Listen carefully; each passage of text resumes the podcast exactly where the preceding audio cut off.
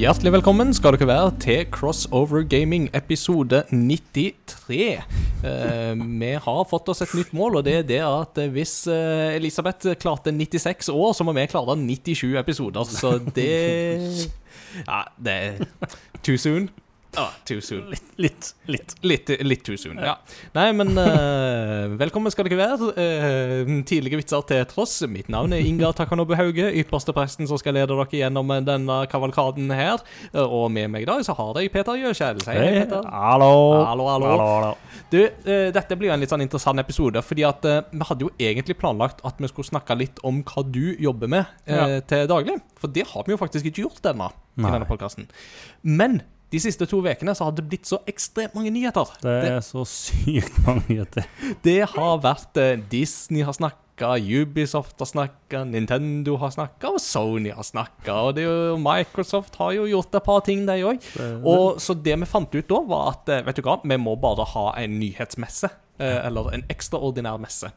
Så denne episoden vil jo da ha et litt eh, av det der eh, hva skal vi si, høymesseformatet som av og til har når det er liksom både sommer og vinter og masse spillnyheter. Så vi kommer til å stokke litt om på rekkefølgen på noen av de faste spaltene. Og så ja, så, så temadelen i dag den kommer da i del to, og da skal vi snakke om alle nyhetene. Så for de av dere som er mest gira på det, så får dere hoppe til del to. Men Peter, går det bra? Ja, det gjør det. Ja. Det er travelt, men det er, veldig, det er en artig form for travelt. Mm. Så jeg koser meg veldig. Så bra. Det er givende. Mm, meget, meget. Det er eh, mye på arbeid, men eh, jeg har formidable, fine folk. Både kollegaer og elever. Så Nå trodde jeg du skulle si jeg har formidable fiender. Jeg har formidable fiender. Men Jesus er min vokter, så det går bra. Ja, det går bra. Det er, det. Nei, det er Altså, det er helt eh, fantastisk. Ti utrolig eh, kjekke elever som uh, krydrer hverdagen. Ja. eh, og gjør undervisninga til en dans. Oh, ho, ho, ho. Det, den, den var bare for Den lå for klart for meg. Jeg måtte, jeg måtte det. Det er ikke den eneste stedet den vi skal komme tilbake til. For når vi nå etterpå skal snakke om hva vi har spilt, så har de jammen meg en voldelig jazzballett å skimte med. Altså. Ja, ja, ja. Mm. Så Så det Nei, det så, ja, helt nydelig. Nei, så bra. Skal ha baristakurs i helga og prøve å slappe av litt, for det er Ja, jeg skal vel ha noen og 40 undervisningstimer de neste ukene. ja, Så da får du det- det travelt. Ja. Og så skal du jo til mine gamle heimtrakter. Det skal jeg neste uke. Mm. Jeg skal besøke en eh, ungdomsklubb. Mm. Snakke om eh, et lite seminar. Gode og dårlige sider ved gaming. Og Ja. kanskje få Kanskje prøve å være med på å få hjelpe dem til å reflektere litt ekstra over hva er det egentlig gaming eh, er. Både altså, for at de skal få mer ut av det, og kanskje tenke Mm. litt ekstra over de spillene som de holder på med. da. Ja. Det er jo ikke eh, alle spill som eh, tenåringer holder med, som de kanskje bør holde med. Nei. Inkludert meg sjøl når jeg var tenåring. Ja. Sånn, Gjør- som jeg sier, ikke som jeg gjør. Eller Ja. ikke som jeg gjorde. mm. Nå er du voksen, så nå kan du gjøre det du vil. Jeg vet det er ganske nice. Ja, det er fint. oh. Nei, men det er jo da på um, Kleppe bedehus på Askøy. Mm. Eh, 23. september. Ja. ja. Neste Eh, fredag. Og, og de, ja. Førstkommende fredag. Førstkommende fredag for de som hører på. Ja. Og det tror nok at de blir glad hvis det er noen som hører på og som har lyst til å være med. Så Det- tror jeg nok at de bare blir glad. Utrolig kjekt å kan få treffe noen til, å høre, eh, dere som hører på. Det må jeg si. Ja. Det er, det er noe annet enn å bare se det dere skriver på Discord. ikke sant? eh, så da vet dere det, folkens. Ta turen innom. Så jeg, Mm. eh, jeg blir ikke med til Askøy denne gangen. Det, men eh, det får vi heller se om det blir anledning til en annen gang. mm. Hvordan går det med deg, Ingar? Du, det er i likhet med deg, det er mye som skjer. Men eh, veldig mye av det har vært eh, gaming og Game Reactor-relatert. Og sånn ja, så har det jo vært eh, veldig gøy. Um, forrige torsdag så var, jeg, var det jo Disney Day, eller Mm. Disney Plus Day. Og da hadde jeg jo um, privilegiet av å få gå på den eneste kinooppsettinga av den nye spillefilmversjonen av Pinocchio, Stemmer. som er ute på Disney Pluss nå. mm. Eh, da fikk jeg gå på Ringen kino. Det var veldig koselig. Eh, filmen var nå litt, kanskje litt så som så, men altså, den kunne vært vesentlig verre. Ja. Eh, og det er jo Robert Zemeckis som står for regien her, altså mannen bak Back to the Future og Who Framed Roger Rabbit, for å Ja. nevne noe. Stemmer. Eh, så det er absolutt en mann med glimt i øya. Mm. Og Tom Hanks som Geppetto. Det var litt sånn Det- Og nå er Tom Hanks kommet dit at han spiller bestefarsrollen. Det oh, nei. Men han klarer det bra, altså. Han, gjør, han gjør det. det han kler det godt, altså. han klarer jo alt han får for seg bra, da. Ja, ja. Han, er- han er jo eminent uansett hva han holder på med. Og, og det er litt av det som på en måte mm, får inn filmen òg. Altså, Mm. Det er en god regi som ligger i bånn, og det er en, eh, en eminent skuespiller eh, med i hovedrollen der. Og så mm, skorter filmen litt på det om at den klarer ikke helt å bestemme seg for om den vil være laga i 1940, eller om den vil lage, være laga i 2022. Så den, skulle nok hatt litt friere tøyler på en måte til å liksom gjøre sin egen tolkning. Men det blir jo veldig Mm. spennende å se i desember, for da kommer jo Netflix med sin tolkning av eh, Pinocchio, og den er det jo Guillermo del Toro som eh, har eh, regissert. Og når mannen bak Pans labyrint og The Shape of Water skal bryne seg på Pinocchio, da tenker jeg at det er verdt å følge med på, Mm. altså. Veldig fascinerende at Pinocchio plutselig Altså, det er en sånn historie som nesten har gått i glemmeboka. Ja, men, Men, eh, vi snakket jo litt om det forrige veka, eller Ja. forrige episode, for Ja, da hadde vi jo det um, Souls-like-spillet Lies of P, Mm. som jo kommer ut som òg tar utgangspunkt i Pinocchio. Og Mm. det har jo nok litt med at det er jo blitt allmenn property. Ja. Altså Hvem som helst kan egentlig lage noe om Pinocchio nå, uten å Mm. måtte søke om det. Stemmer. Så Det hjelper på. det hjelper på, det, altså. Mm. Så eh, i denne episoden så blir det mangt om mye, og mye om mangt. Så Ja, vi må bare komme må bare gå i gang.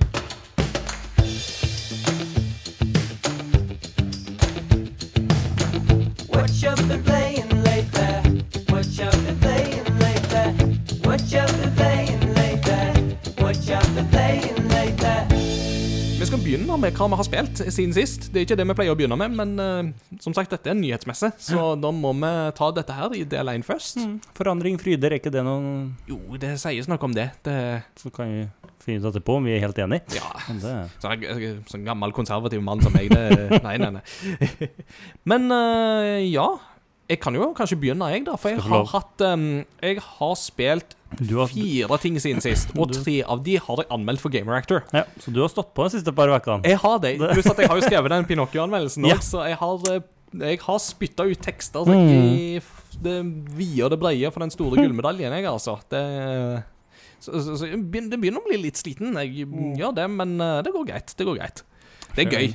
Det er jo gøy, da, alt dette her. Det er jo det. Mm. Derfor gjør jeg det. Ja da, det er jo derfor jeg gjør det. Absolutt. Eh, Jeg kan jo ta det jeg ikke har eh, anmeldt først, for det er jo det nyeste spillet vi spiller i Retrospillauget, som er begynt opp igjen nå etter sommerferien. Og da landa valget på Star Wars Jedi Knight 2, Jedi Outcast fra 2002. Et av disse Star Wars-spillene som ikke lenger er kanon, men som veldig mange har en liten forkjærlighet for, og det er ikke så rart. Eh, for dette er jo et av em, fem spill som følger historien til Kyle Katarn, som er en eh, spennende rollefigur innenfor eh, liksom Star Wars-spillene som kom på den tida. Mm. Som jo da begynner som en sånn Han Solo-lignende mercenary bounty hunter-rollefigur. Men så oppdager jo etter hvert at han har jo faktisk kraften. Eh, og begynner liksom å Begynner på veien som til å bli en Jedi, men fraskriver seg det. Og når da dette spillet begynner, Jedi Outcast begynner, så har han egentlig skåret seg av fra kraften. Mm. Uh, og liksom gått tilbake til å være på en måte en sånn bounty hunter-ish. Uh, men så tar de jo på seg et oppdrag for New Republic, og så er det jo ting som eh, begynner å gå i gjerde, så ja. Eh, det kommer jo til å komme en egen episode om dette spillet når vi er ferdige, Mm. så jeg skal ikke avsløre for veldig, veldig mye nå, men jeg begynte på dette spillet på GameCube. Ja. Spilte i 30 minutter, fant ut at det går ikke, og så gikk jeg Nei. tilbake til PC-versjonen som jeg har spilt gjennom før. Såpass, ja. For det var screen tearing, og oh, det var nei. bildefrekvens som var godt under 30 bilder per sekund, og det var ekstremt Altså, detaljnivået er ekstremt dust. Mm. Altså, det er liksom Det er greit nok at det er et gammelt spill, men det ser Mm. altfor dårlig ut. Til, å- altså, Sammenligna med PC-versjonen, så er det ikke en god konvertering, altså. Og alt av farger er liksom stappmørkt. Oh, det var jo som eh, Det var Benjamin som jo Mm. posta fine bildet som liksom snakket om det der med at eh, forskjellen på nattslaget i eh, Helm's. Deep og forskjellen på nattslaget ved, i Westeros er liksom litt sånn I Helm's Deep så ser du iallfall hva som skjer. Ja, det er jo det, så, så serien nå i helga, Mm. og det var jo en ting som jeg snakka om da om. At eh, altså, her har du jo prakteksempel på hvordan et nattslag skal utføres. Mm. Du får for det første, og eneste grunn, du får med deg hva som skjer. Ja. Uten at du må ha et mørkerom og sette med ansiktet inn i skjermen. Eller skru gammafilteret til liksom eh, Ja. maks i én ende. Men ja. Mm. Så det er mm, Ja, så det kommer jeg til å fortsette med. Det er veldig gøy å være tilbake igjen i det universet der. Mm. Eh, For det er lenge Altså, jeg har jo spilt igjennom alle disse spillene med Kyle Katarn for en tiårs tid tilbake. Eh, den gang de fortsatt var kanon. Mm. Men ja, nå begynner det å bli en stund siden, så det er kjekt å gå tilbake. Mm. Og så kan jeg jo begynne på det som jeg har anmeldt for Game Reactor, så da kan jeg jo ta det i kronologisk rekkefølge. Jeg har spilt og anmeldt Splatoon 3. Yes. Eh, og det er jo eh, ganske artig, fordi Splatoon er jo en av disse Nintendo-seriene som en del i Norge, i alle fall, ikke nødvendigvis liksom vet så mye om. Det, jeg Mm. føler liksom litt at det er litt sånn Hvis du vet hva Splatoon er, så vet du veldig godt hva det er. Hvis du Mm. ikke vet hva det er, så har du ikke peiling. Nei. Men Splatoon er jo et veldig artig konsept, fordi at det er jo Nintendos take på en uh, third person online shooter. Mm. Men istedenfor å skyte kuler og krutt, så skyter du maling. Ja. Og målet er jo ikke først og fremst å skyte de på det andre laget. Du kan det, men målet er ikke å skyte de andre og få flest kills. Målet er jo å male mest mulig av en bane i løpet Mm. av tre minutter i din farge. Yep. Uh, og dette er jo eh, Altså, settinga er liksom bare sånn der. Altså, det er en sånn urban setting der du jo spiller som sånn der blanding av unger og akkerblekkspruter. Altså Mhm. akkere. Så det er sånne der inklings, som de heter. som jo i seg sjøl er et pønn, for at de spruter jo ink eller mm. eh, blekk. Og ja. Så jeg har jo likt Splatoon veldig godt helt siden det første kom på Wii U. Og så anmeldte jeg jo Splatoon 2 for Game Reactor da det kom i 2017. Det var før denne podkasten begynte, faktisk. Uh, uh, gamle også, dager. Ja, gamle dager. da, Wii, da så, Switchen var ganske ny, til og med. Ja, ja. Men det er jo faktisk fem år siden nå, og nå er jo da Splatoon 3 kommet ut. Mm. Og det har jo vært litt sånn diskusjon i forkant. Litt sånn, ja, men kunne de ikke bare oppdatert Splatoon 2? Eh, altså Med tanke på at dette er jo et live service game, egentlig. Mm. Men jeg vil si at det her gjør de nok nye ting uh, til at jeg vil si at det er ikke gitt at alt dette faktisk kunne gått i Splatoon 2. Så det er helt greit at de gjør det de gjør med å liksom lage et helt nytt spill og slippe det, fordi at uh, her um, er det mer enn nok nytt innhold som forsvarer prisen, og Mm. det er fortsatt kjempegøy. Ja. Eh, den største nyheten nå er jo det at de har en skikkelig enspillerdel med mer fokus på historie. Mm. De har alltid hatt en litt sånn enspillerdel inne, men det har alltid føltes mer som en sånn treningskomponent som er litt sånn Ja, det er der, men det er ikke liksom Du har liksom aldri fått en sånn skikkelig innblikk i denne verdenen, syns jeg. Nei. Og det er jo litt sånn artig, fordi at Splatoon er egentlig en postapokalypse. Det har det vært hele tida.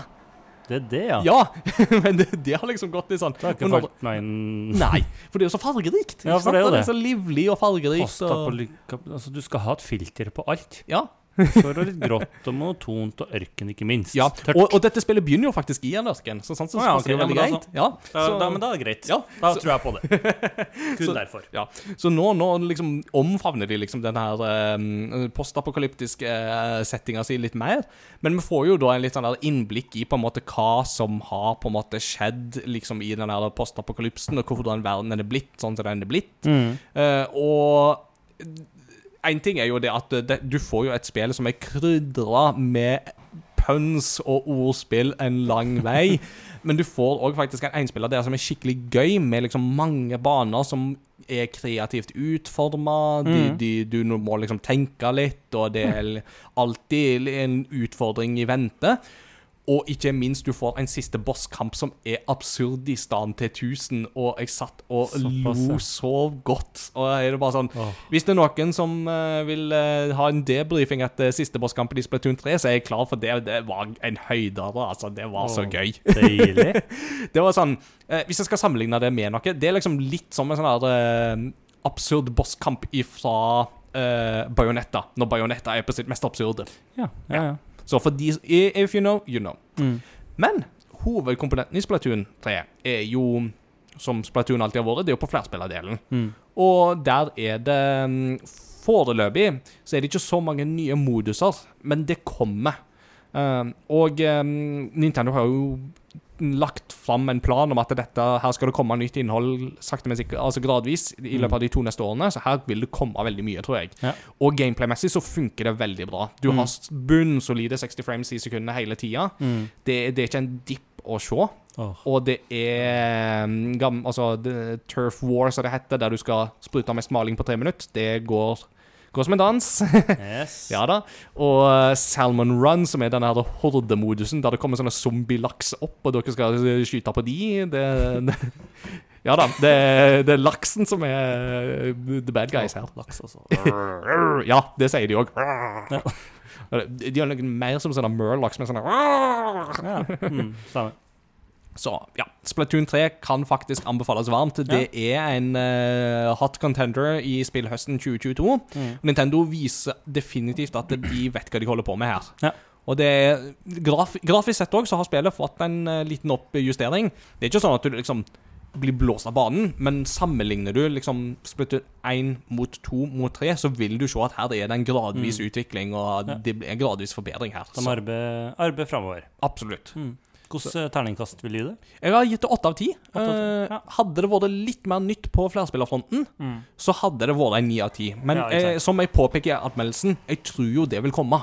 Mm. Eh, med noen nye moduser og litt sånt. Så hadde det vært mer av det fra starten av, så hadde dette vært en, helt klart en ni av ti. Mm. Ja. Mm. Altså. Det er veldig lite å trekke for her, og stemninga er på topp. Og musikken er, som den alltid har vært i Splatoon, awesome. Ja. Yeah.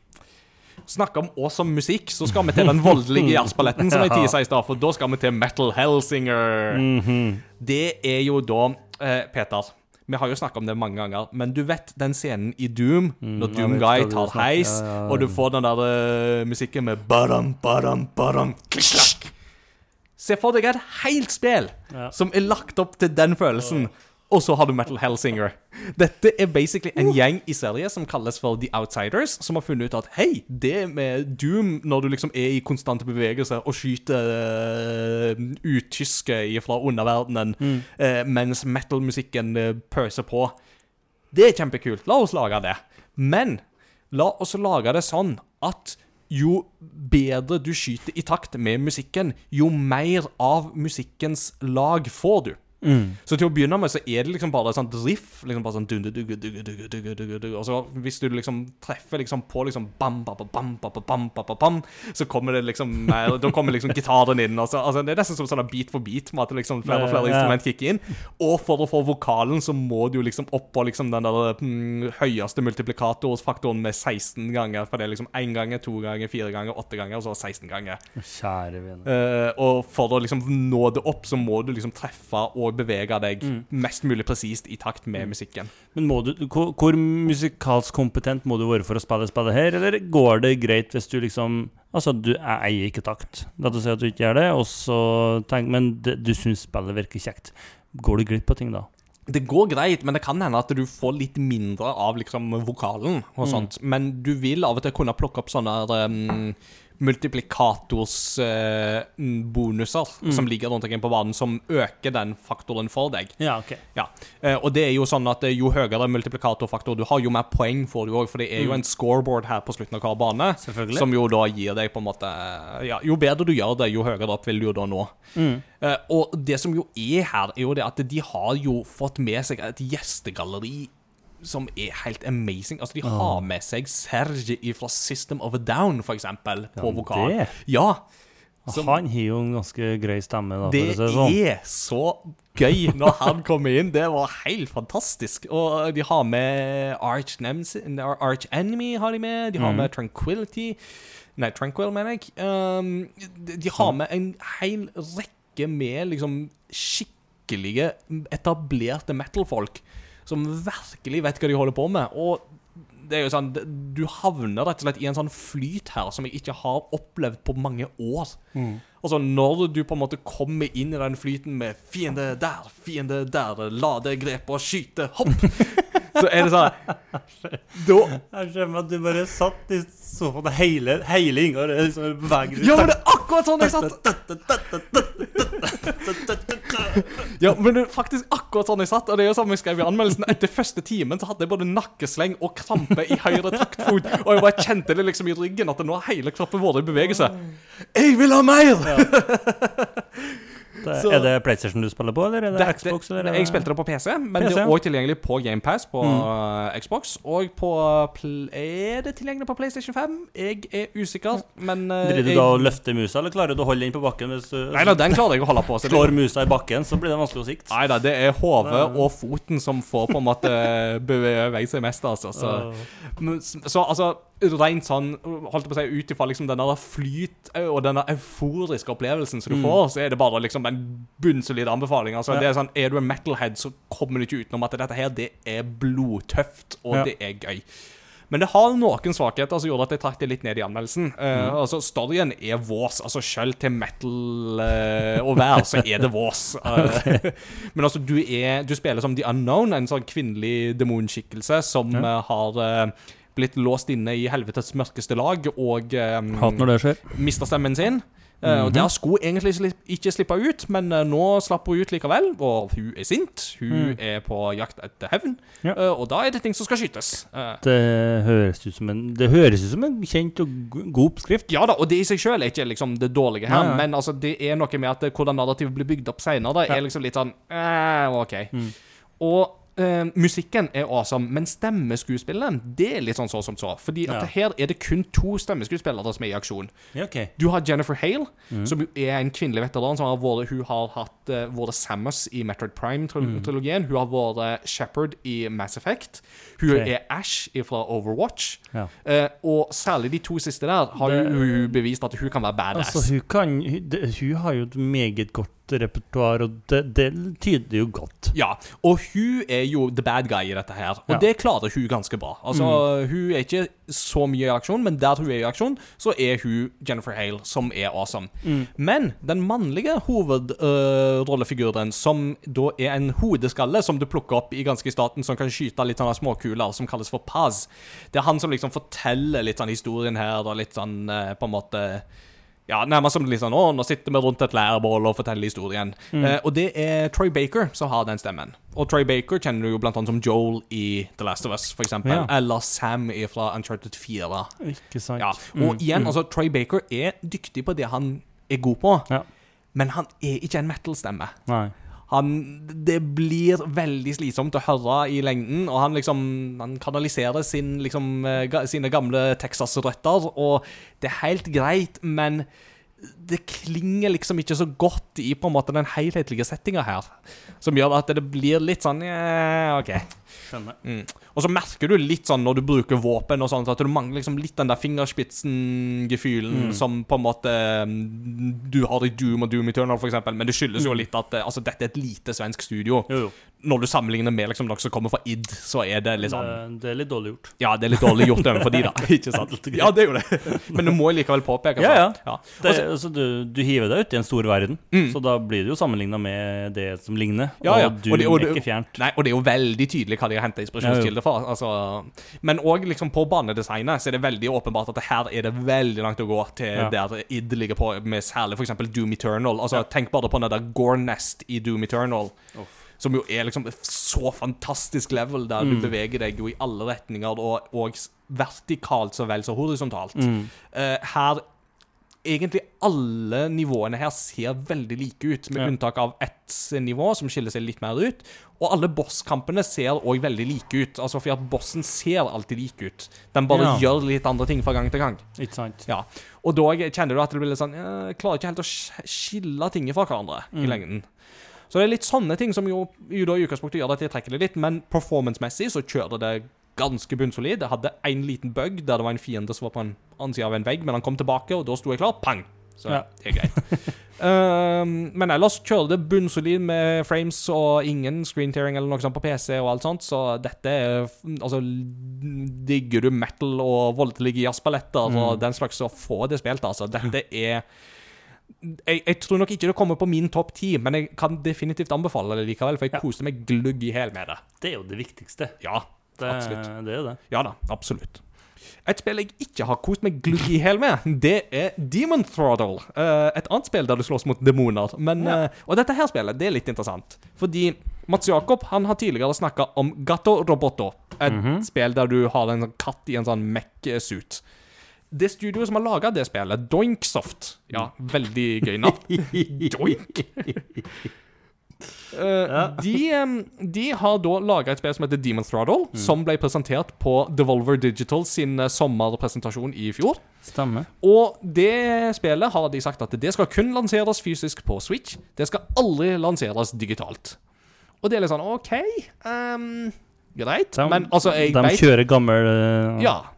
Og altså, sånn, for Ut ifra et spillkonserveringsperspektiv så er jeg jo litt imot dette. Men samtidig så har jeg jo bitt på, så jeg kjøpte et eksemplar av det. øh, Og fikk det nå. Og jeg tror jeg skjønner hvorfor det liksom måtte markedsføre seg med noe sånt, for her er det veldig lite å skrive hjem om, altså. Ja, okay. det, det har veldig lite. Um, Først av alt så har spillet en veldig sånn rølpete, pubertal humor som ikke treffer i det hele tatt. Uh, storyen her er jo at det er en demonkonge som kommer flygende inn over en by, og når han flyr igjen, så har han stjålet noe beger som en eh, vampyr uh, trenger, for at hun trenger det av ymse grunner. Uh, så hun slår seg sammen med en eh, lokal cowboy, for eh, som cowboyen sier That demon kissed my wife. Or something. Og det er veldig tydelig at um, that or something, det var um, vesentlig mer enn bare kissing. Uh, og heldigvis får vi bekrefta at det var nok konsensuelt. Altså, det var med samtykke. Eh, hvis ikke så hadde det vært fryktelig dårlig utgangspunkt å uh, lage et spill på Lage for, forsøk på humor av det. Det hadde Ja. vært veldig smakløst. Men det har mye smakløs humor her, altså. Det er, holdt jeg på å si, det er stønn, sensuelle stønnelyder i chiptune-format, og det er dårlige vitser. Og på toppen av det hele så må du slåss med en boss som presenterer tidenes største fallos mellom beina. eh, som han har null sjenanse med å vise. Uh, den er heldigvis sladda, men med sånn pikselsladd, men allikevel så var det sånn Oh, come on! Uh, altså det går an å spille på den type humor og vitser og få det til. Altså, South Park klarer det jo med jevne mellomrom, Jo, jo. Uh, så det går an. Men disse klarer det ikke. Um, men det du får sånn gameplay-messig, er at dette er en såkalt shoot em up, eller shmup. Uh, der du be, der liksom banen beveger seg automatisk, der du går fra bunnen av skjermen, og så beveger du deg oppover. Mm. Og eh, så skal du skyte på alt i underveis og samle på oppgraderinger, og så er det en boss i slutten av hver bane. Eh, dør du, så må du begynne helt fra begynnelsen av. Oi. Dette er old school. Så eh, her er det ingen nåde. Det er ikke noen rogelight-elementer der du får noen oppgraderinger med deg underveis. eller noe sånt. Nei her er det helt tilbake. Ja. Så, og det er for så vidt egentlig det positive her. Altså, Det er et ganske passelig nivå av vanskelighetsgrad, vil jeg si, med at du får en utfordring, du må prøve igjen, men det er ikke for vanskelig. Du merker hele tida at dette, dette skal gå. Ja. Eh, Så jeg har merka en gradvis liksom, progresjon når jeg har spilt, som har vært veldig gøy. Mm. Eh, og sånn grafikkmessig så ligger dette på et sånt sted mellom på en måte Ninten gammel Nintendo 8-bit og Gameboy Color. eh, som er på en måte Det kunne vært eh, kult, men de klarer ikke helt å gjøre noe spesielt med det, dessverre. Og så har de et eh, sånn CRT-filter som skal liksom få det til å se gammelt ut. Det er skrap. Altså Det er et av de verste CRT-filtrene jeg har vært borti. Så ja, Og på toppen av det hele, jeg eh, klarte å I, I broke the game. Eller jeg fant en game-breaking bug. Ja. Fordi at eh, i dette spillet så kan du På hver bane så er det en underverden som du må finne for å få tilbake disse her begrene til vampyren. Stemmer. Og idet jeg skulle gå opp trappa, opp igjen til oververdenen Akkurat idet jeg skulle gå opp, så var jeg bare sånn Å, by the way, jeg vil skifte mellom de to figurene, for du kan skifte mellom cowboy og vampyr. Så jeg trykte på liksom skifte person-knappen akkurat idet jeg gikk på trappa. Og det bugga spillet sånn at når jeg da kom til oververdenen, så var begge personene daue. Men banen fortsetter å scrolle oppover som om ingenting hadde hendt. Og så kom jeg til bosskampen, og så bare gikk bosskampen. Og den bare gikk og gikk og gikk og gikk. og gikk og gikk. Men begge figurene var døde, så kom ingen sted. Ja, ja. Så ja, det var Så jeg tror jo det at litt av grunnen til at dette var sånn Nei, vi skal bare slippe det fysisk, det var nok litt for å på en måte prøve å få dette spillet til å skille seg litt ut fra Mm. mengden, for her er det egentlig ikke så mye mer å skrive hjem om, altså. Nei. Men det har jeg klart å skrive om på Game Reactor, og det vil jo si at vi er nok en av de få som kommer til å skrive om det spillet, fordi Mm. at eh, det er jo ikke alle som kommer til å ha tilgang på det spillet anyway. Ja. Så det er litt gøy. Det er, det er litt artig. Nok om meg. Det ble langt og lenge, og lenge og langt, men Mm. uh, Peter, vær så god. Ja. Jeg har spilt lite nytt, men eh, ett nytt til. Uh, nå for tida så er ferdig med jordferdig Battle Royale. Jo, det ble vi ferdig med forrige uke, så Mm. det mm, har det gått litt tid, men det har vi snakket om før. Så det er ikke så interessant. Eh, jeg har tatt opp igjen Assassin's Creed Valhalla. Ja. Ja. Der, de- altså, de kommer med content stadig vekk. Så nå så er det liksom såpass mye der at uh, nå så kan jeg sitte og kose meg med enda flere timer med det spillet. En, en ny øy og litt forskjellig. Ja. Og du Så koser det- deg fortsatt? Jeg koser meg jo fortsatt med det. Jeg syns det er fenomenalt. Ja. Og så eh, nå nye ukas spill på eh, arbeid, det er jo Far Cry 5. Er det. Og det åh, Altså Bruken av musikken i det spillet som psykologisk krigføring Jeg blir alltid like fascinert. Det er helt nydelig. Ja. Og spillet i seg sjøl syns jeg jo er et jeg syns det er et ordentlig bra spill, egentlig. Eh, Ja. Jeg liker veldig Jeg er veldig glad i Open World, og de har jo Far Cry 5 er jo på en måte Open World til nesten nye høyder, hvor du kan gjøre så å si hva du vil. Du, hvem du, Hvilket område du vil starte eh, Du kan sende en jaguar ja, på folk om du vil, du liksom. kan liksom det. Eller om, om du vil starte med storyen, eller om du vil gjøre sånn når Eirik og jeg spilte. Eirik! Eirik. Eh, vi eh, hadde ikke drøssa på lenge, så vi starta jo med å fiske. Ja. Vi sto og fiska i tre timer eller noe sånt. der Ja. Og drøsa. Så det resulterte i at vi var jo styrtrik, for det var en selger der òg. så vi fikk jo alle de gode våpnene med en gang. Det, det, det er jo så gøy, men det er jo liksom fra den perioden der alle spill plutselig skulle ha fishing minigame. Det var liksom Final Fantasy Ja, ja. 15 skulle ha det, Far Cry 5 skulle ha Mm. det Ja.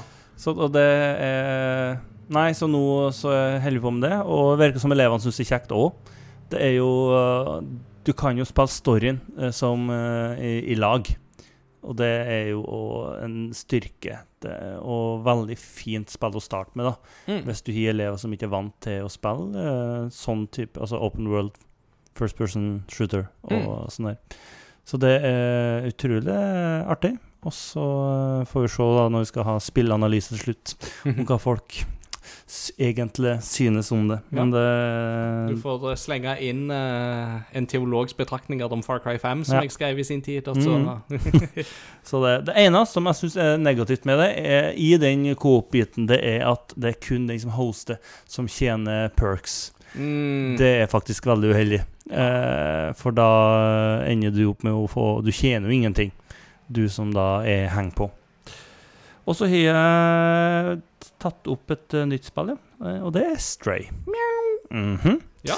Og det er Jeg skjønner jo folk, at folk syns det er kjekt. ja. det Er det er veldig PlayStation kos. 5 du spiller på? Det er PC? det. Ja. Mm. Jeg, sy det, jeg syns det er skikkelig kos. Det er det. Jeg har et spørsmål der. Ja. Eh, har du opplevd å få til maling i kontrolleren? -hmm. Hvordan er det? Det er kjempefascinerende. Åh! Det er det, det, Jeg hadde fått med meg at det var en achievement. At du skal, skal, skal legge og sove i en time. Mm. Så da, det jeg da gjorde, at jeg sprang til den fyren som har en robot med gitar, Mm. ga han en sang, og så la meg der og sov. Ja Eh, og da så Når katta sover, så rister hele kontrolleren i takt med pustinga og sånt. Oh. En nydelig detalj. Ja. Um, så det Spillet òg uh, syns jeg er kjempespennende. Og storyen her Du får jo bare Du får jo drypp Mm. eh, underveis hvordan de små eh, squishy monstrene har kommet, og en del sånne ting. Nå vet jeg at du ikke har spilt det, så jeg skal Jo, jeg har spilt det. Du har spilt det, du. Ja, jeg har spilt ferdig og har til og med anmeldt, eh, skrevet en anmeldelse for Crossover Gaming. Hvorfor har jeg fått med at du ikke spilte det? Nei, si det.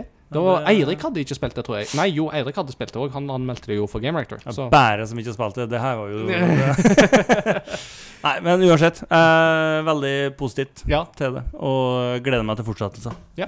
Så nå eh, helga her er fruen bort, så da er håpet om å få kanskje brøkke og bli ferdig opp. så da trenger du litt Så det- selskap, så da kan det være godt med en digital kattepus. Det er det, da, vet du. Ja. Den blir jo ensom. Mm. Eller ja. Bare passe på så robotstøvsugeren ikke blir sjalu.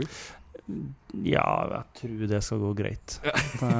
han er såpass fersk i gamet at det, det ordner seg. Så det, vi fikk testa den for første gang i dag, den, ja. Så da eh, eh, Robotstøvsuger, det er apropos anbefaling, det er digg, du også får en som vasker opp vaskegulvet for deg, så er det magisk. Ja, ja. Så det er den jo. Så det, men ja, det er egentlig det jeg har holdt med i det siste. Ja, det.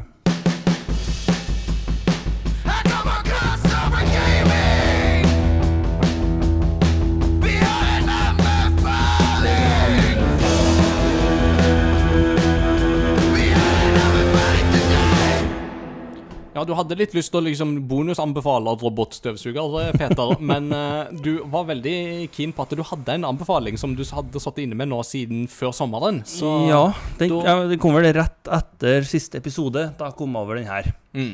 Uh, og det er mm, eh, det, var min, det var min fru, faktisk, som strengt tatt kommer med dagens anbefaling. Mm. For hun var den som anbefalte for meg. Og det var når vi kjørte bil til Bergen, tror jeg da. Så satt vi og hørte på den. Og det er i Sverige så har de noe som heter sommerprat. Eller nå heter det vel sommer og vinter i P1, ser jeg her. Uh, og der er det en episode hvor Josef Fares forteller sin historie. Oi! Uh, det, for det, det er ikke intervju, men det er rett og slett hovedpersonen som forteller hele sin historie. Og da om eh, ja, hvordan hele veien hans, hvordan han starta, og hvorfor han som person klarte å pushe gjennom noen av spillene som han har. Eh, hans Altså, hvis dere så på når han fikk eh, ha vunnet premier Mm. det, det, det virker jo ikke akkurat som han har planlagt den talen sin. Nei. Han har ikke det heller.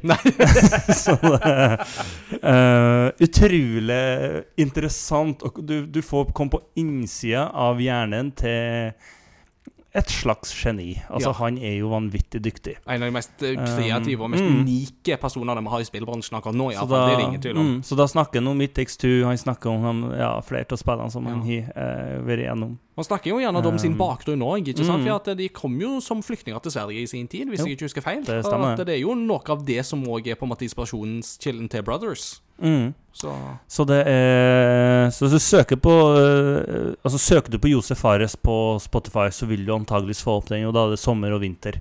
sommer og vinter, Josef I- Fares. Sommer og vinter i P1. Ja, det har jeg definitivt lyst til å sjekke ut. Så det jeg sa jo det. Ja. Jeg, bare, bare så sagt, jeg garanterte Inga på forhånd at han kom til å ha lyst til å sjekke ut dagens anbefaling, og da fikk vi krefta. Takk skal du ha. Yes, jeg er fornøyd. For dette er en Hebereke pachinko-kontroller til Super Nintendo. It's curiosity. What are you gonna show to me? It's curiosity. What a neat thing to know. It's curiosity. What are you gonna show to me? I haven't even heard of it. What a neat thing to know. It's a great part of the show. I dagens kuriositet så har jeg lyst å eh, hente inn noe som eh, jeg har for så vidt kjent til fra før, men som jeg ble minnet på av The Gaming Historian, som er en av disse favoritt-YouTube-kanalene mine å følge med på. Altså, Gaming Historian han driver egentlig på med det som jeg hadde hatt lyst til å gjort på fulltid. Altså, han, han, han sitter og kartlegge og fortelle om spillhistorie. Eh, og det kan jo være liksom helt vanlige ting, for så vidt, han kan ta for seg. Han har jo Blant annet tatt for seg liksom, liksom de største feiltrinnene som Nintendo og Sony og Xbox har gjort opp gjennom årene. Han har tatt for seg liksom litt sånne obskure spill. Eh, obskure konsoller eller tillegg og sånt. Eh, og dette her som han da presenterer, eh, og som han faktisk har i studio når han snakker om det, det er nok kanskje en av de mest fascinerende tingene som jeg veldig gjerne skulle hatt i samlingen. Og det er en Sharp SF1. Og det er det er en japansk TV, altså en Sharp TV, med en innebygd Super Famicom. Altså en Super Nintendo. Så det vil da Altså, så her er da konteksten. Altså, da Super Famicom altså Super Nintendo, ble gitt ut i Japan i 1990, så var det relativt vanskelig å få tak Altså, det var større etterspørsel enn det var tilbud. Høres kjent ut. Uh, det Aldri hørt om engang. Aldri vært borti. Nei. Ja. Uh, og en Super Famicom kosta jo 25 000 yen på den tida, som eh, det høres mer ut eh, for oss enn Altså, hvis vi, hvis vi kun hadde liksom tenkt ut fra dagens valutakurser og sånn, så hadde det vært ca. 1800-2000 kroner. Eller, noe. ja, 1800 kroner, sånn cirka. Så, men altså, da har jeg ikke tatt med inflasjon og hvordan valutakursene var og sånt på den tida. Um, så relativt på en måte en mm, Altså, ikke sånn altfor gale pris, men det var vanskelig for folk å få kjøpt, og det var nok en litt stiv pris for noen. Men hvis du virkelig hadde penger å svi av, la oss si 130 000 yen, eh, så kunne du kjøpe en Sharp SF1, som da var en Sharp 21-tommers TV, som da på toppen hadde liksom et sånt panel som sto på skrått, der du kunne stikke i en Super Famicom-kassett og plugge til kontrolleren på framsida av TV-en, og så kunne du spille Super Nintendo på denne her. Og det som er så fascinerende, er at visstnok så skal denne TV-en her, altså denne Sharp SF1, ha en av de beste, skarpeste bildepresentasjonene av Super Famicom som er mulig å få tak i. Fordi at eh, naturlig nok, den er integrert og innebygd i selve TV-en. Det er jo det den er. Eh, ulempen er visstnok at eh, lyden kommer kun i mono. Eh, så Oh, den hadde noen drawbacks. Men altså, bare konseptet med at det er sånn der eh, we, we heard you like to play games on your television, so we put a console in your TV. det er litt sånn Snadd. Pimp my TV til tusen, Det er altså. jo det det er. Så hvis du eh, snubler over en Sharp SF1 noen gang, eh, så syns jeg absolutt at du bare må kjøpe, for eh, det, det er nok gull verd. Eh, og definitivt hvis du har en interesse for uh, Super Nintendo, uh, så er det en Jeg fant, en. Ja, hva skulle du eBay. ha for den? 15 000. 15 000 dollar? Nei. 15 000 kroner? Det er jo nesten så det er verdt det. Altså.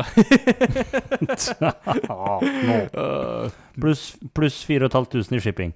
Yeah, det, what's, uh, what's 1000 more or less in this, uh, in this economy?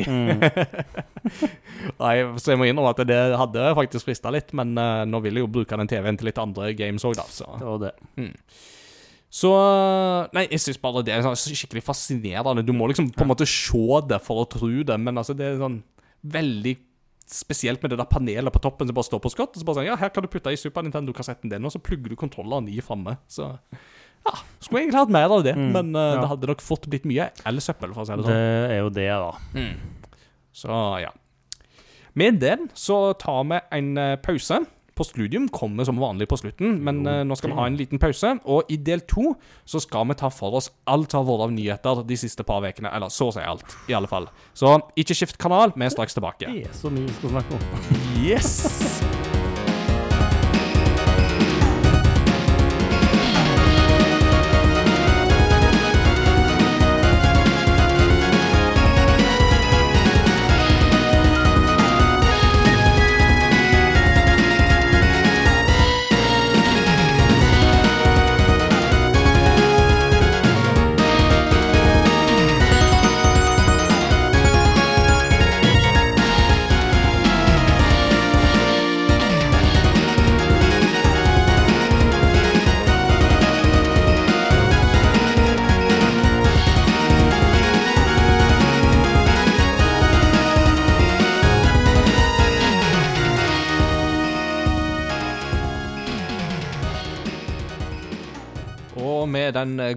Pausepraten vi har hatt om uh, The Dark Knight og um, you, you, Var det Dundee United du heier på?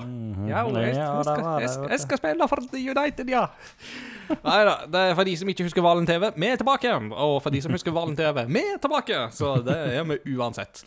Det, dagens tema det blir en eh, lite sånn messeformat, fordi at eh, nå har jo plutselig alle spillstudioer som kan krype og gå, bestemt seg for at de vil slippe de ene nyhetene etter de andre. Så etter en sommer med ganske mye tørt og lite spennende, så kommer det plutselig veldig mye. Så da fant vi ut at hei, vi mm, utsetter det temaet vi hadde tenkt, og så tar vi en nyhetsbonanza. For hvis ikke så hadde denne episoden blitt tre timer lang, minst. Eh, Så jeg tenker at vi skal kanskje begynne liksom, i det litt generelle nyhetssjiktet. Liksom Ta de vanlige kunngjøringene først. Ja. Og så tar vi de ekstraordinære kunngjøringene med Disney, Ubisoft, Nintendo og så PlayStation. Høres bra ut? Ja, Yeah. kjør! Yeah. La oss begynne med den uh, nyheten som eh, ingen av oss ville ha, men som jo dess Men som dessverre frykta. Nå må du ikke gjøre det så vanskelig for meg å redigere lyd, Peter. Veldig da. Sånn, ja. Tusen takk. Det var det. Det, var, det var jo det så mye lettere for meg. Det har kommet mer detaljer om framtida til Halo Infinite, med tanke på liksom progresjon videre, med tanke på framtidige sesonger osv. Men i den forbindelse så har òg 343 Industries gjort det klart at split screen co-op dessverre ikke blir noe av i Halo Infinite likevel. Og det må vi jo absolutt si bu til. Det, dette var jo em, veldig krise, at de var jo i utgangspunktet Altså, de hadde det jo ikke i Halo 5, og de sa jo det at eh, de skjønte jo i etterkant at eh, det var jo det folk ville ha, og de, planen var at alle framtidige Halo-spill skal ha split screen eh, co-op igjen. Og de jobba jo med å få dette til, men så mm, har de måttet kaste inn håndkleet. Erkjent at vet du hva, vi får det ikke til likevel. Og det er jo veldig kritisk, egentlig, og veldig synd for Halo-identiteten. Det er klart at når Halo Altså, de sliter jo på multiplayer-fronten med å få um, liksom spillerbasen. Altså, Som et live service-spill så har, eh, etter det jeg har skjønt, Halo Infinite ikke levert som forventa. Og det at jeg sier 'har jeg skjønt', er jo òg en indikator, for jeg har jo knapt nok spilt det etter at det kom ut, selv om jeg likte det veldig godt. Ja. Så det er jo veldig synd. Men det betyr jo, Peter, at du og meg får ikke den der split screen co-op-opplevelsen denne gangen heller. Og Vi får starte på nytt om ti år. ja. Ah, går jo tilbake til Halo 1 i stedet. Ja, ikke sant? Det, vi feiler å gjøre det. Ja. Um, men det stopper ikke der. Um, Bonnie Ross, som jo har uh, vært både grunnlegger og leder av studioet, og corporate vice president for Xbox Game Studios, forteller nå at hun forlater 343 Industries. Uh, og planen var at dette skulle vente til november, men det er blitt framskynda uh, av det som kalles for Eller av det som da er medisinsk, års, en medis, medisinsk situasjon i familien. Ja. Og det er lov. Det er veldig greit. Ja. Det er sånn det er. Ja. Familien går først. Ja, det gjør det, absolutt. Uh, og altså, nå er jo ikke Bonnie Ross den første som har forlatt eh, 343 Industries uh, i liksom den siste tida, men hun er nok definitivt et av de viktigste navnene som har forlatt dem, for hun har vært med ganske siden starten, og har vært en sentral skikkelse i eh, moderne Halo-historie. Så det at hun nå forlater spillstudioet, er jo egentlig ganske stort tap for dem. Eh, og bare for å illustrere hvor stort det tapet er, så har da den jobben hun har gjort, blir nå fordelt på tre personer. altså Det er liksom tre stykker som skal ta over forskjellige deler av det hun har gjort tidligere. Så det kan jo bety at enten at hun var ekstremt overarbeida, men det kan òg bety altså så sentral skikkelse var hun at mm. det må liksom tre nye til for å erstatte henne, liksom. Og antageligvis da skamgod Mm. i den jobben hun har stått i. Ja, ja, det, det hadde det aldri vært tvil Ja. om. Altså, Når Bonnie Ross har vært på scenen og snakka om Halo, eller snakka om Altså, hun var jo med i den Power On The Story of Xbox. Altså, det, det er aldri tvil om at uh, hun vet hva hun holder på med. Hun Ja. er rådyktig. Uh, altså, så det er Det er et stort tap. Det er et stort tap, det er det absolutt. Men som sagt, familie kommer først. Det må vi jo bare erkjenne og uh, rose. Så nok om eh, Halo. Men uh, det, det som har vært litt interessant, er jo det at um, Xbox og PlayStation har jo vært i litt eh, klammeri de siste par ukene eh, angående Call of Duty. Eh, Mm. For det virker som at Jim Ryan begynner jo liksom å klage litt Altså sjef for PlayStation begynner jo å klage litt sin nød på at uh, Call of Duty kommer til å være eksklusiv for Xbox om tre års tid, og eh, Phil Spencer på Xbox-sida sier at nei da, vi har et håp om å gi ut eh, Call of Duty flere plattformer i framtida òg. og ja, men altså, hele den krangelen framstår som litt rar, fordi at Mm. eh, Det er jo litt sånn På den ene sida, nei, jeg vil ikke at uh, ting skal være eksklusivt på en konsoll, men på den andre sida, når de tross alt har betalt uh, liksom Hva skal du si Det som er mer enn brutto nasjonalprodukt for halvparten av verdens land for noen spillselskap, så er det liksom ikke så veldig rart hvis de sier at ja, og det vil kun komme på våre plattformer. Ja, alt andre er goodwill. Mm, ja, ja, for det er akkurat det Det er jo det det er. Ja, ja.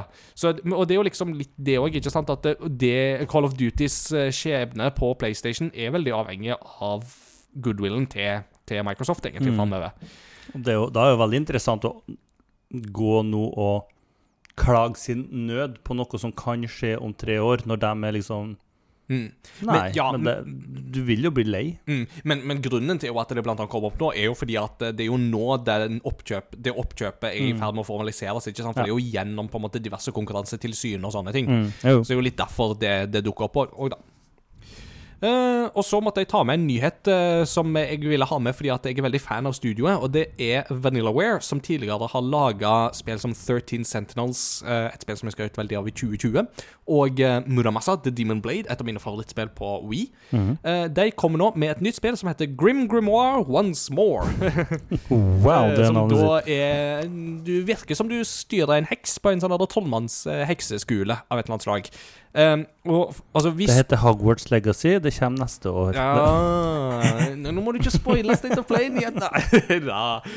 Eh, nei, men altså, dette her er jo et veldig sånn Altså, Vanilla Ware sine spill er jo veldig særegne. De har jo en sånn Mm. kunststil som er uovertruffen. Altså, det er ingen som får til liksom sånne todimensjonale Altså, de har en sånn 2D-kunst Mm. i sine spill som er veldig særegen og utrolig vakker. Og dette Mm. her ser absolutt ut til å ligge på samme lest, altså, så det blir veldig spennende. Ja. Mm. Og så en eh, liten sånn nyhet som jeg syns var veldig gøy, og det var at eh, det er visstnok en streamer, en kanadisk streamer, tror jeg, som heter Ace Gamers Sam, som i løpet av de siste fem årene nå har fullført alle 296 Nintendo 64-spill som er lansert i Nord-Amerika. Og ja, det inkluderer Supermann 64. Altså, det er helt sykt. Det er Det er ganske vilt, altså. Og uh, visstnok så har jo Altså, det, det som er interessant her, er jo at noen spiller jo litt sånn OK, hvordan kan du si at du har fullført Fifa 64, for eksempel? mm. Eh, men her har han da involvert uh, communityet via Discord og litt sånne ting. De har på en Mm. måte satt noen parameter og litt sånne ting, og så har de liksom òg stemt fram hva som er det neste spillet som han skal spille, sånn at han ikke bare tar liksom det beste spillet og sånt. Mm. At han, for at da hadde han jo tatt alle de beste spillene det, det første halve året, og så hadde han jo brukt de siste fire halvt årene på masse shovelware. Men uh, jammen meg, altså. Han har uh, klart å komme gjennom alt. Det syns jeg er Det imponerende. er så imponerende. Visstnok første dokumenterte tilfelle av noen som gjør det, så det er jo helt, uh, helt suverent. Mm.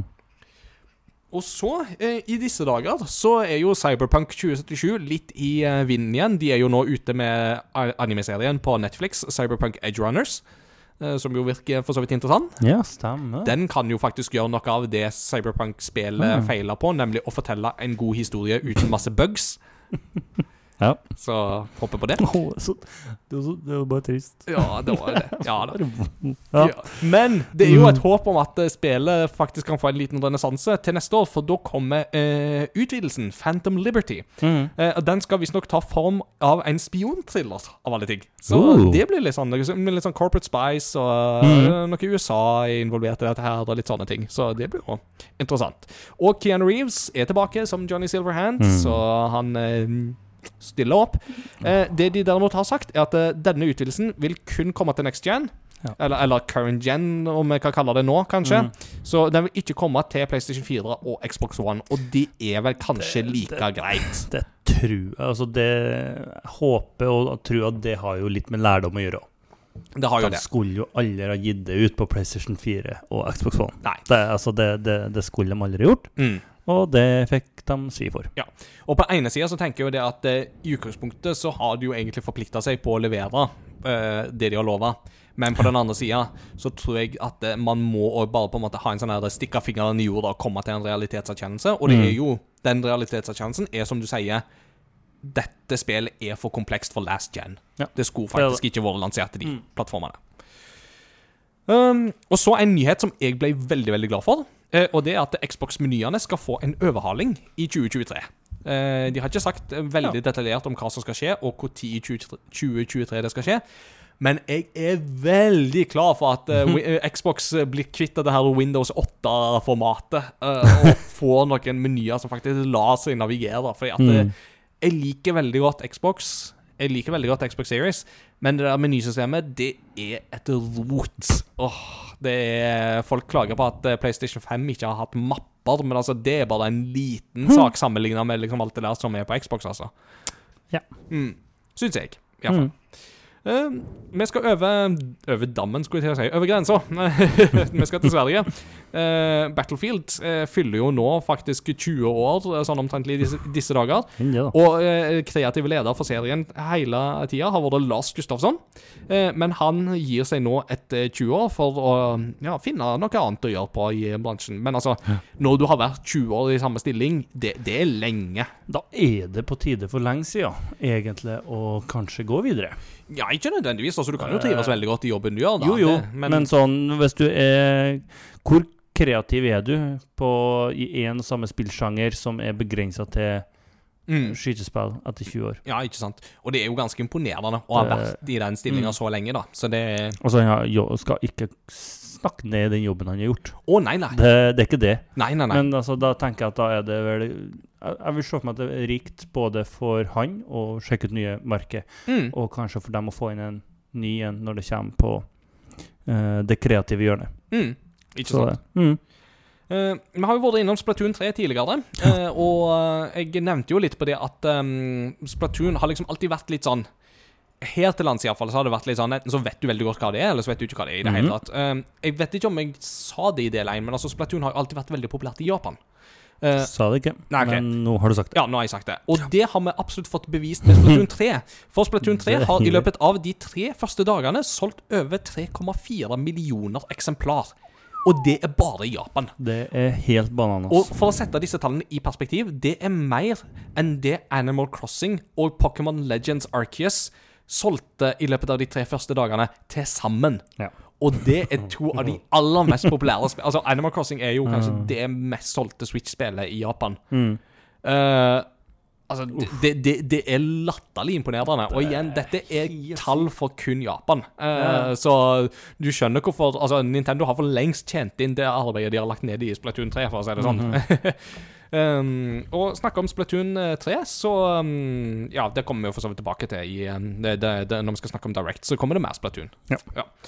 Eh, og så har vi endelig fått svar på hva Johannes' åpenbaring mente i eh, åpenbaringen 18.2, når de sier 'falt, falt er Babylon den store'. Nei, det var verken pavekirka eller EU eller uh, uh, JFK de snakket om. Nei, det var faktisk spillet Babylons Fall. Det var det eh, Johannes hadde i tankene hele tida, at han satt på Patmos i det første århundret. Eh, det er nemlig sånn at Babylons Fall, spillet fra Platinum Games, som var et live service-spill som kom ut tidligere i år, og som i praksis ingen spilte, Nei, det var liksom det. det legges ned i februar til neste år. Eh, så hvis du skal ha deg et eksemplar av det spillet, så må du skynde deg. Men ja, altså det spillet var jo dessverre en flopp. Eh, Og det er veldig synd, fordi at eh, Platinum Games de kan jo lage gode spill. Men Ja, ja. her virker det absolutt som at de har blitt liksom pusha inn i live service-sjangeren av Square Enix og måtte lage et spill de egentlig ikke var gira på å lage. Mm. Så dessverre, men sånn er det. Eh, noen spill kommer, og noen spill går. Så sånn er det. Et spill som ser ut til å ikke gå noen plass, det er The Sims 4. Det blir ja, det blir, det kan jeg eh, garantere. Eh, I alle fall nå 17. oktober, for da blir det gratis å spille. Eh, så fram til og med 17, og, Eller mm, i oktober så blir det gratis å spille, og fram til og med 17. oktober kan alle som eier spillet fra før, eh, plukke opp det som heter Desert Lux Kit uten ekstra kostnad. Som gir litt sånn ekstra thingamajigs. Ja, Ja, det sa meg ingenting. Nei, altså det er litt sånn der, litt møbler og litt ting og tang og ja, Jeg har ikke satt meg helt inn i eh, alt det sjøl, men uh, Kjekt, kjekt, kjekt for dem som liker det. Ja da. Du, er du klar over at The Sims 4 nå er sånn rundt ti år gammelt? Uh, det er ikke noe jeg har reflektert veldig mye over rundt, men det gir jo veldig mening. Ja. Det er ikke, For det er, det er ikke lenge til, i alle fall. Det er ikke fryktelig lenge eller, det, det er jo lenge siden det kom. Mm. Det, Men det lever videre, altså. Det, det er såpass lenge siden at jeg har liksom, Når jeg har tenkt på Sims, er det ikke det kommet en femmer, eller er vi fortsatt på fireren? Litt sånn som GTA, når du liksom Er det femmeren vi har bare kommet til, eller har ikke den sekseren kommet inn? Nei, det Burde, Ja, jo. burde, skulle- skulle ha vært her nå. Ja, det skulle det. Men sånn er det. Og så fikk vi jo en uh, gøy nyhet uh, på tampen av uh, Eller rett før episoden begynte, og det er jo nyttig for Overwatch 2. eh, er at de får en ny support-helt som heter Kiriko. Som er en japansk ninja-lignende figur som gjør ninja-håndbevegelser, som vil få alle Naruto-fans til å gå av skaftet. Yep. Yep. Hun er en support. Healer. eh, Hun hadde tydeligvis en ability som var veldig nyttig når Junkrat bruker sitt hjul, og det kommer kjørende. sånn For da ble det Har, ha litt av det samme immortality feel til Baptiste. Ja, det, det eh, virka som du de ikke Da har du et par sekunder hvor du er Det virka ikke som de tok skade engang. Så, mm, og veksla mellom japansk og engelsk, og hun har eh, benyttet seg av holdt på å si Fox Spirits, eh, så ja. Eh, virker som, som en kul, eh, kul healer. Skal sjekkes ut. Mm. Iallfall for min del. Og ja, Så det blir spennende å teste når Overwatch 2 kommer 4. oktober. Da, Peter, skal vi til en serie som du er veldig glad i. For Yes. Ubisoft har jo faktisk vært ute og snakka om Assassin's Creed. Det har de. De har jo snakka litt om andre ting òg. De snakket for så vidt litt om eh, Skull and Bones og viste litt av det. Dette her er piratspillet, som Mm. Ja. jo kommer 8. november. Ja. Eh, altså For oss som i utgangspunktet har spilt Black Flag, Mm. eh, hva tenker du om Skull and Bones? Altså, tror du dette kan, kan bli noe?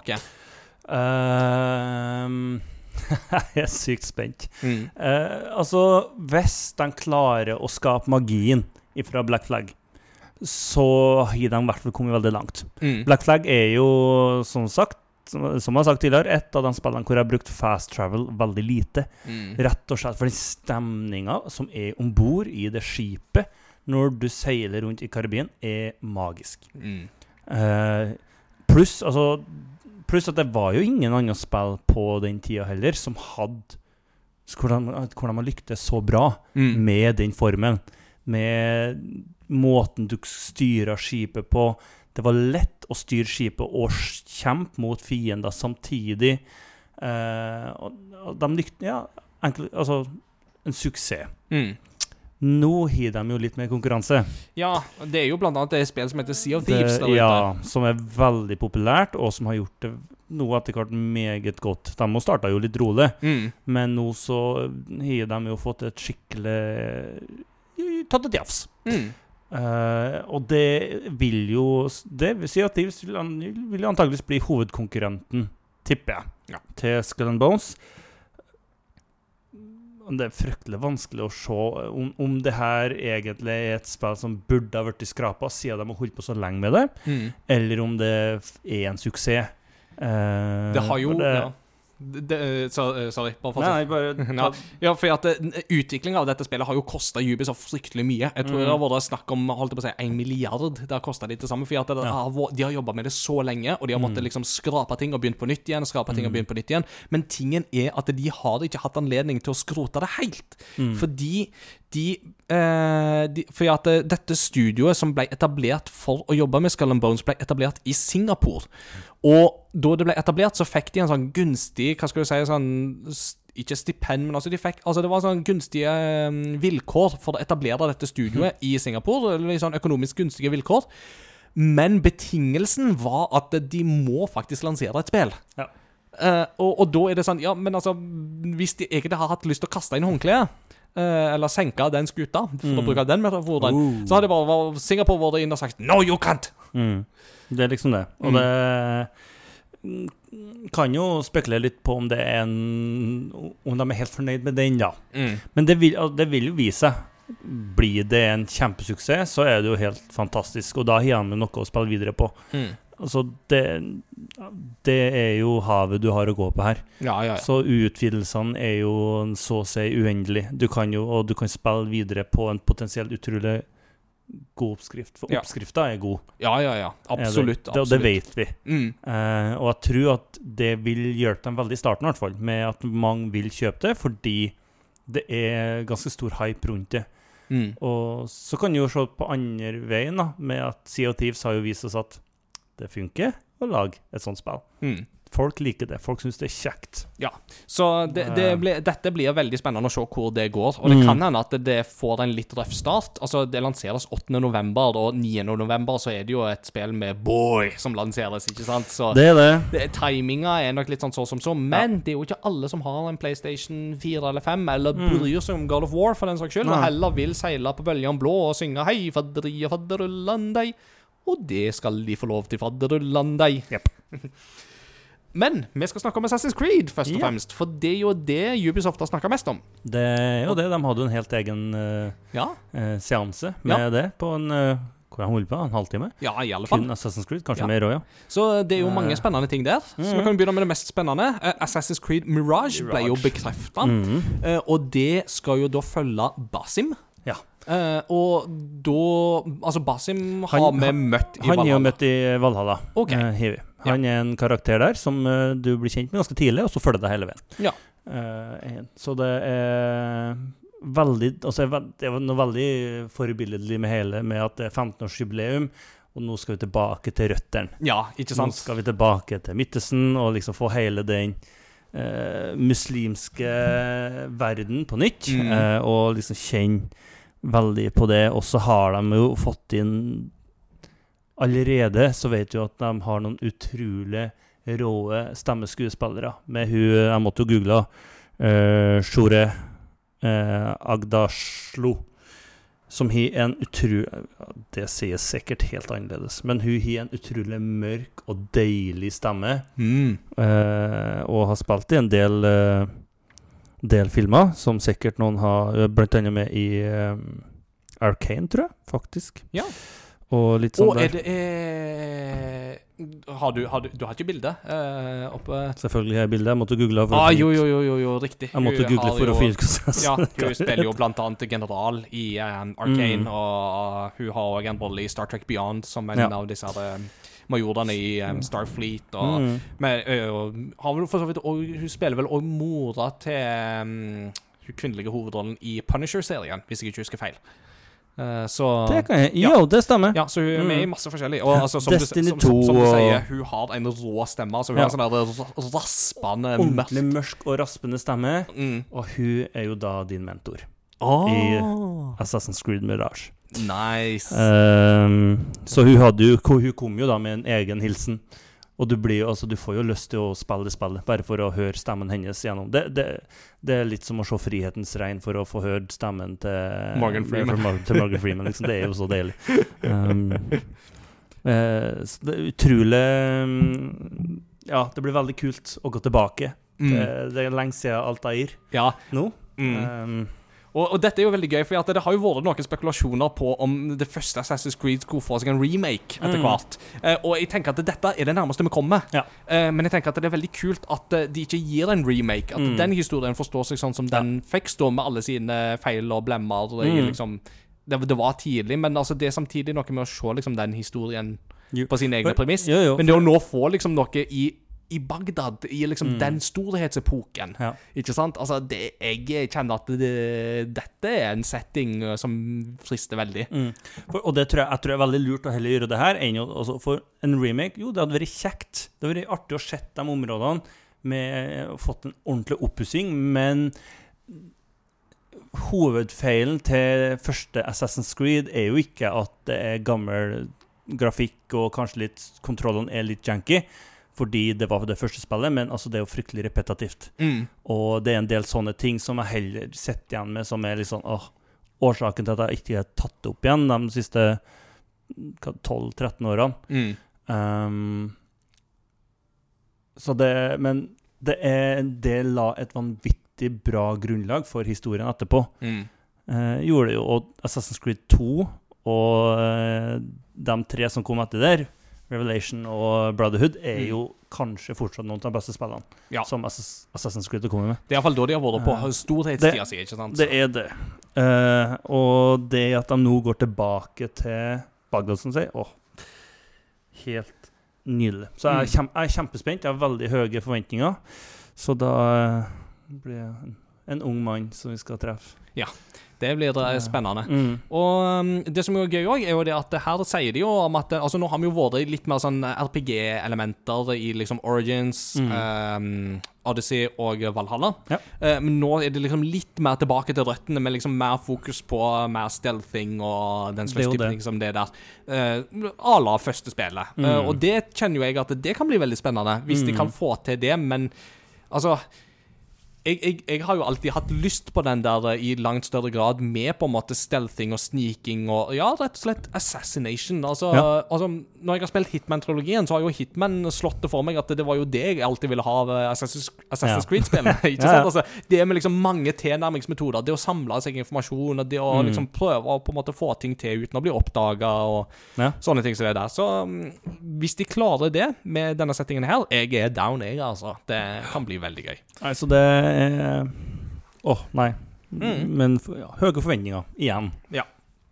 Eh, og så Men det var jo ikke det eneste Assassin's Nei, det var jo annonserte. kjære vene, de gunna jo på dem. Ja, altså her uh, Ubisoft ligger ikke på latsida. Uh, de har eh, nemlig òg da teasa eh, Assassin's, Creed, Assassin's Creed Codename Red, som blir det Oh, neste yes. spillet igjen. Og det jo har jo skrika lenge etter. Ja, og det har fansen skreket lenge etter, for det blir satt til Føydal-Japan, og da skal du mest sannsynligvis være en ninja. Japp.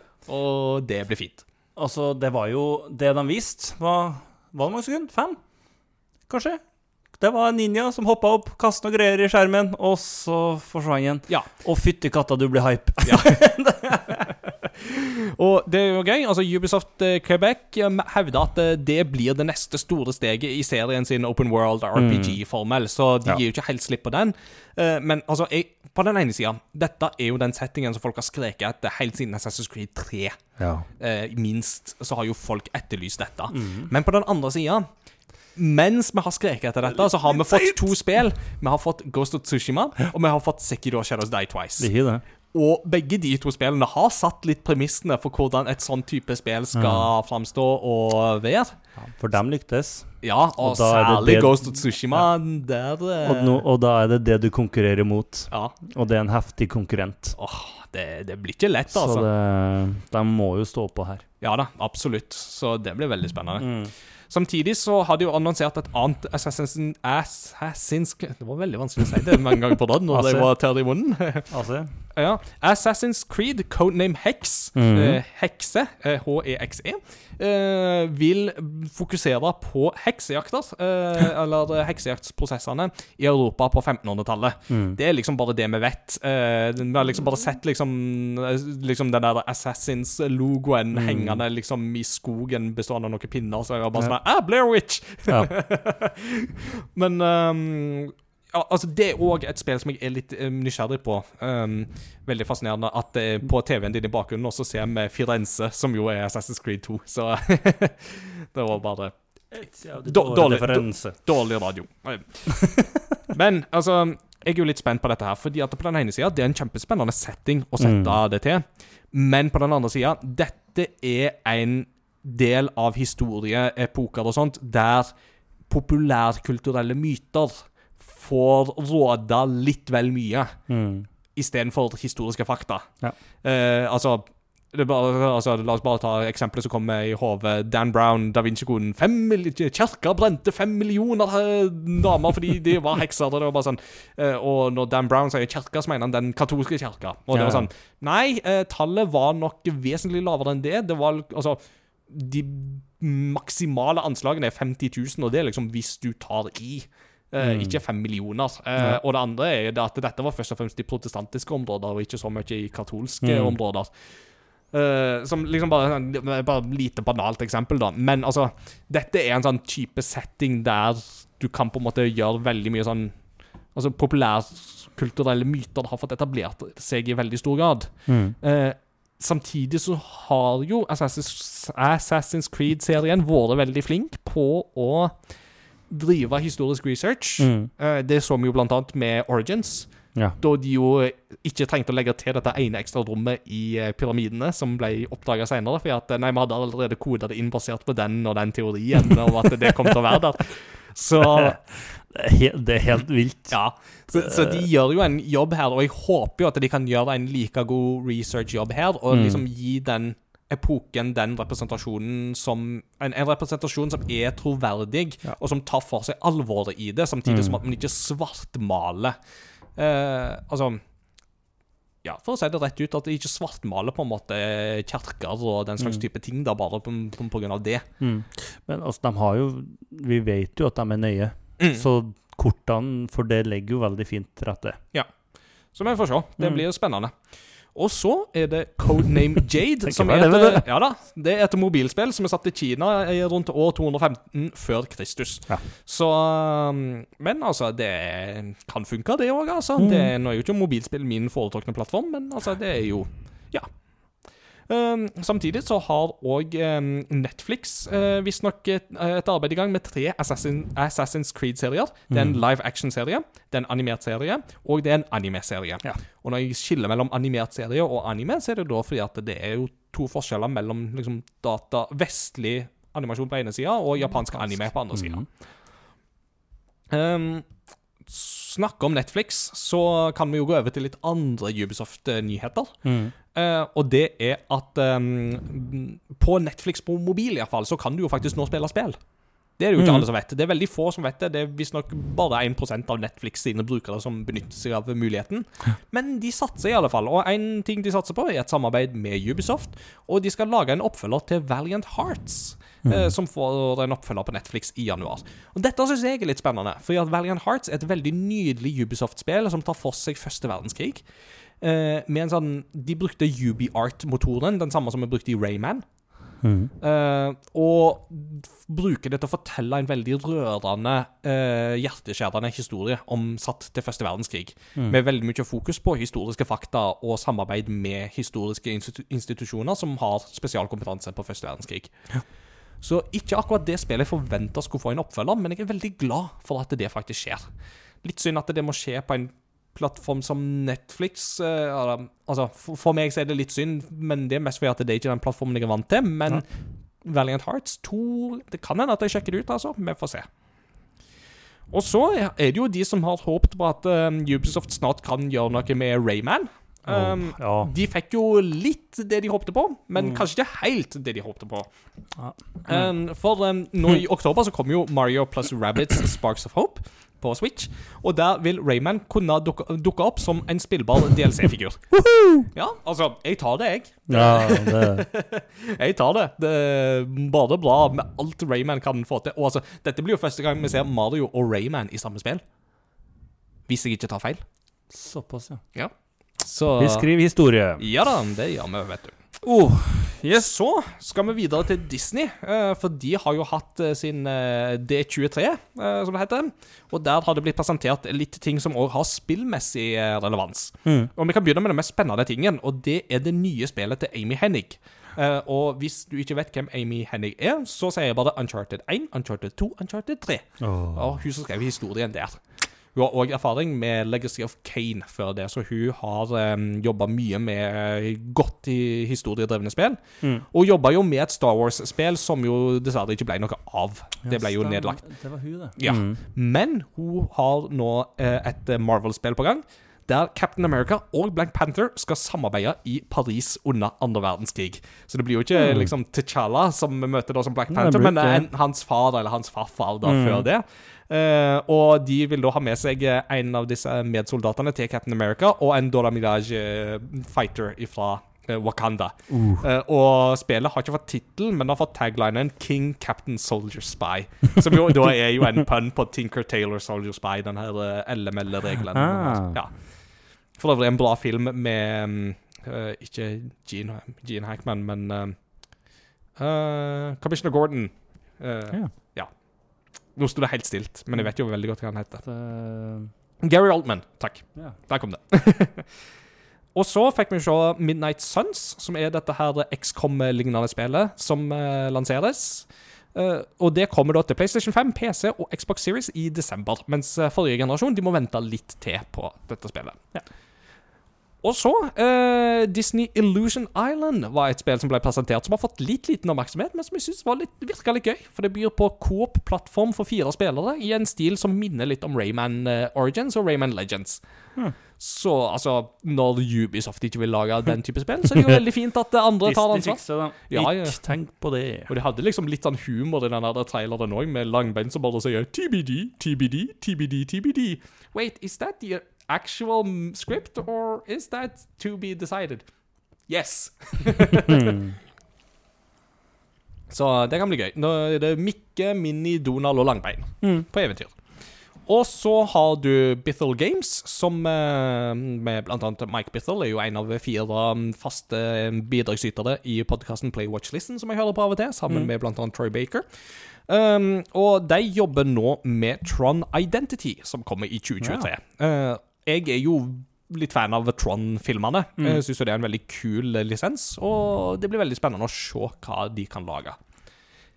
Det forrige spillet de lagde, det var jo John Wick Hex. Uh, nei, The Solitaire Conspiracy var det forrige de lagde, men de lagde John Wick Hex òg.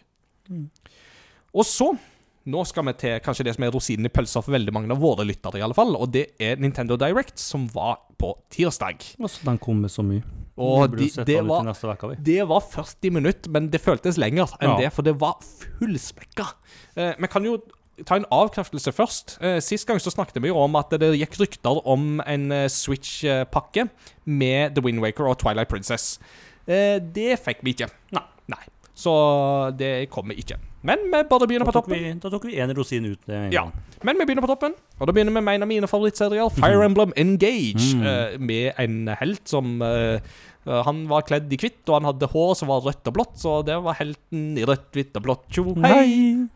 Uh, det ser ut som en slags Fire Emblem crossover-tittel, men med klassisk gameplay. Så kan være litt en sånn avart av eh, mobilspillet Fire Emblem Heroes, kanskje. Det er litt vanskelig å si på nåværende tidspunkt. Men eh, Hei, det er et nytt Fire Emblem-spill, eh, og det er med gamle helter og nye helter, så jeg gleder meg. Og det kommer 20. januar 2023. Og så, Du snakket om Josef eh, Fares uh, tidligere. Og Josef Fares han, var aktuell, han blir aktuell på Switch, han òg. For da Mm. kan alle som har en Switch, lære seg collaboration. Oui. It Takes Two kommer 4. november. Eh, så ut som den sliter litt med performancen, men hvis de klarer å holde en 30 frames, så er det jo fint. Ja. Og uansett, veldig fint at Switch-eiere òg kan få oppleve det. Det er jo det, ja. spillet. Ja, ja, kjære. Og så um, Sorry. Ehm, Fatal Frame det er en skrekkspillserie som nok Peter ikke har så mye erfaring med, fordi at Stemmer det det. er skrekk. Ehm, men eh, det er en skrekkspillserie som har vært veldig stor i Japan, eh, der du istedenfor å på en måte fange spøk... Eller eh, kjempe mot spøkelser på en vanlig måte, så må du ta bilder av dem. Det er derfor det heter Fatal Frame. Mm. Du bruker en sånn kamera obscura til å liksom få fatt på spøkelser, etter det jeg har skjønt. Der er det et spill som kun har vært på Wii, og som kun har vært lansert i Japan tidligere, som heter Mask of the Lunar Eclipse. Men det kommer nå til, med en remaster til alle konsoller i 2023. Så det er litt spennende. Det er kult. Xenoblade Chronicles 3 får sin andre dose med DLC-innhold til sesongpasset. Eh, det sa meg ikke så veldig mye, for jeg har ikke spilt Xenoblade Chronicles 3 ennå, så jeg hopper litt videre derifra. Så fikk vi en trailerkavalkade, som jeg kaller det, med litt sånne kortere trailere. Vi fikk SpongeBob SquarePants til Cosmic Shake, som jo sikkert er gøy for de som har sett SpongeBob SquarePants, men der må jeg tilstå, jeg er ikke blant de. Lite her òg, så Men det så da artig ut. Ja. Og så fikk vi kanskje det som er det mest obskure spillet i um, den der traileren. um, og det var da Fitness Boxing Fist of the North Star. Eh, Så uh, nå kan du stå i stua veive med Switch-kontrollerne og bokse mot skjermen mens du sier «Omae wa mo Og så kan TV-en svare «Nani?» Det var ikke det jeg hadde forventa, for å si det sånn. Men uh, hei, det, det, kan, det kan bli artig. Det er godt at de tar seg, ikke tar seg sjøl så høytidelig. Uh, og så fikk vi et partyspill som heter Oddballers, som så lettere kaotisk ut. mm. Og så fikk vi Mats Jacobs sitt kanskje favorittspill så langt i år, Tunic, kommer på Switch. Så alle disse kommer i løpet av året eller i nær framtid.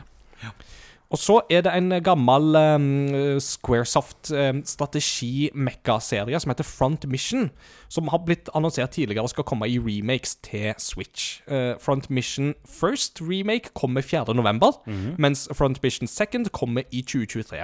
Samtidig så annonserte de nå at Front Mission 3 vil òg få en tilsvarende behandling. Og dette er egentlig litt spennende, fordi Front Mission-spillene skal visstnok være veldig bra, men det er ikke alle av de som har blitt lansert utenfor Japan tidligere. Så det er veldig gøy at de nå på en måte henter ut det gamle Ja. biblioteket, pusser opp og gjør det tilgjengelig for et bredere publikum. Um, og så um, Dette var jo Nintendo Directen der man, vi fikk plenty med farming sims.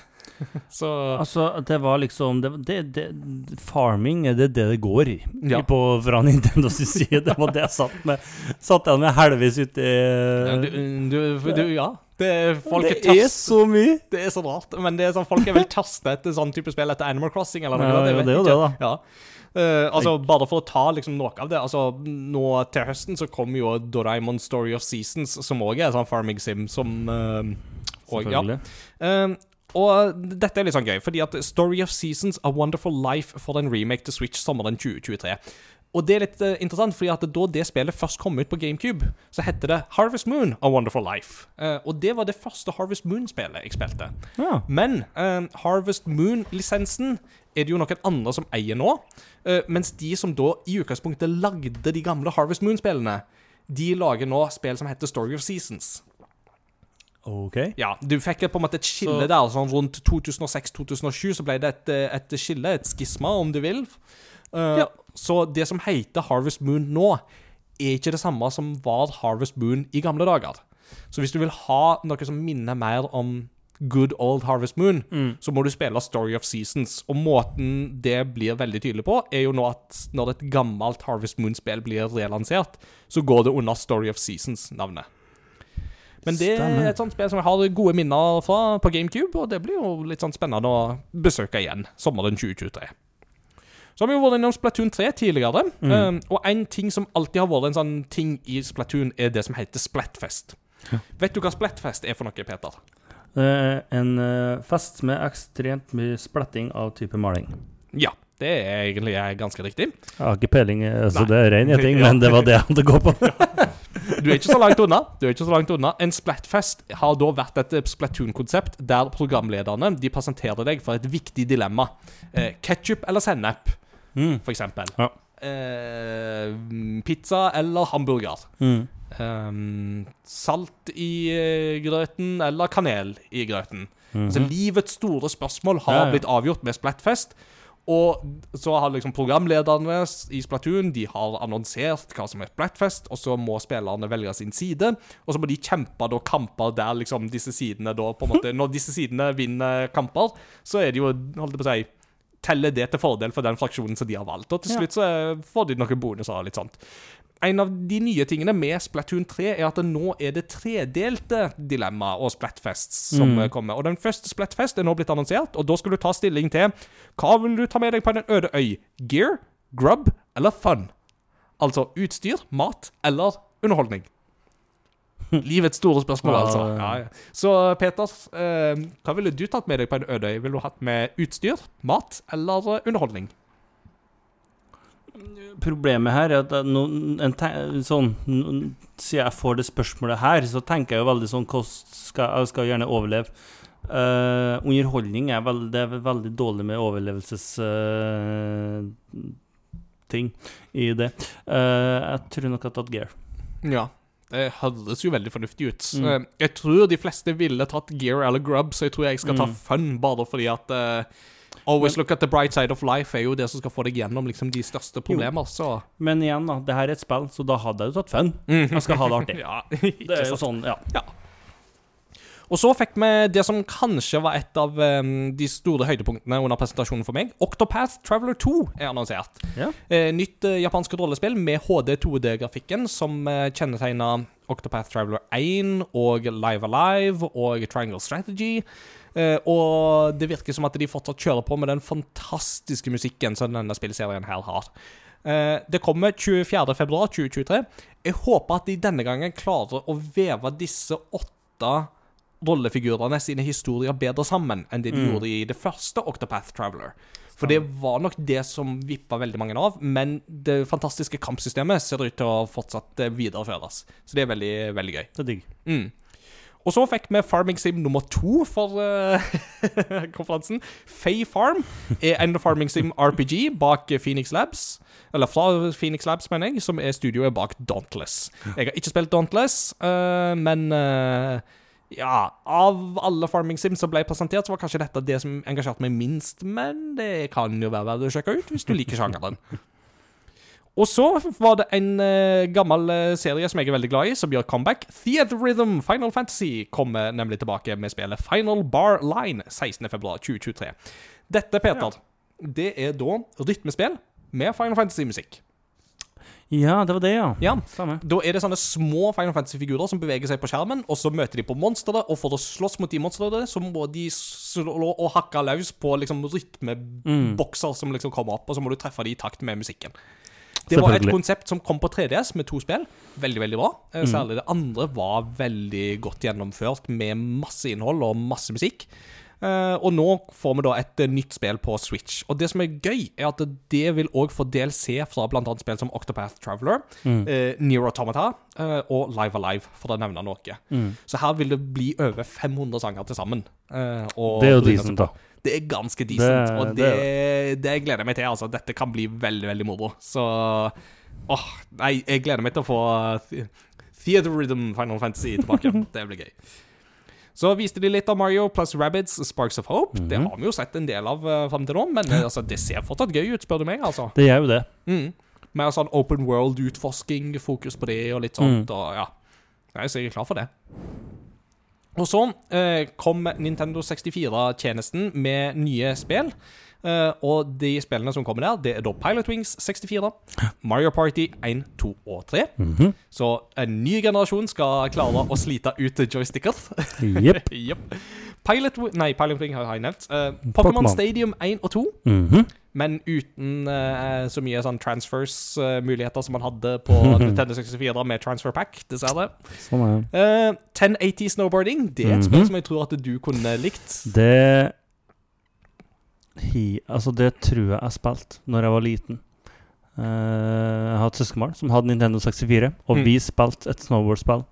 Og når jeg så grafikken, så fikk jeg sånn du, Det var, hadde en liten sånn déjà vu-åpenbaring der. Hvor jeg sånn Det der, Ja. det har jeg prøvd før. Yes. Så det, mm, det er helt enig. Skal Mm. ikke bort ifra at jeg liker deg. Um, og så annonserte de òg Excitebike 64 pluss Ja. siden i pølsa. Det var så- og det var så deilig måten- måten de tok fram det spillet. Helt fenomenalt. Ja da.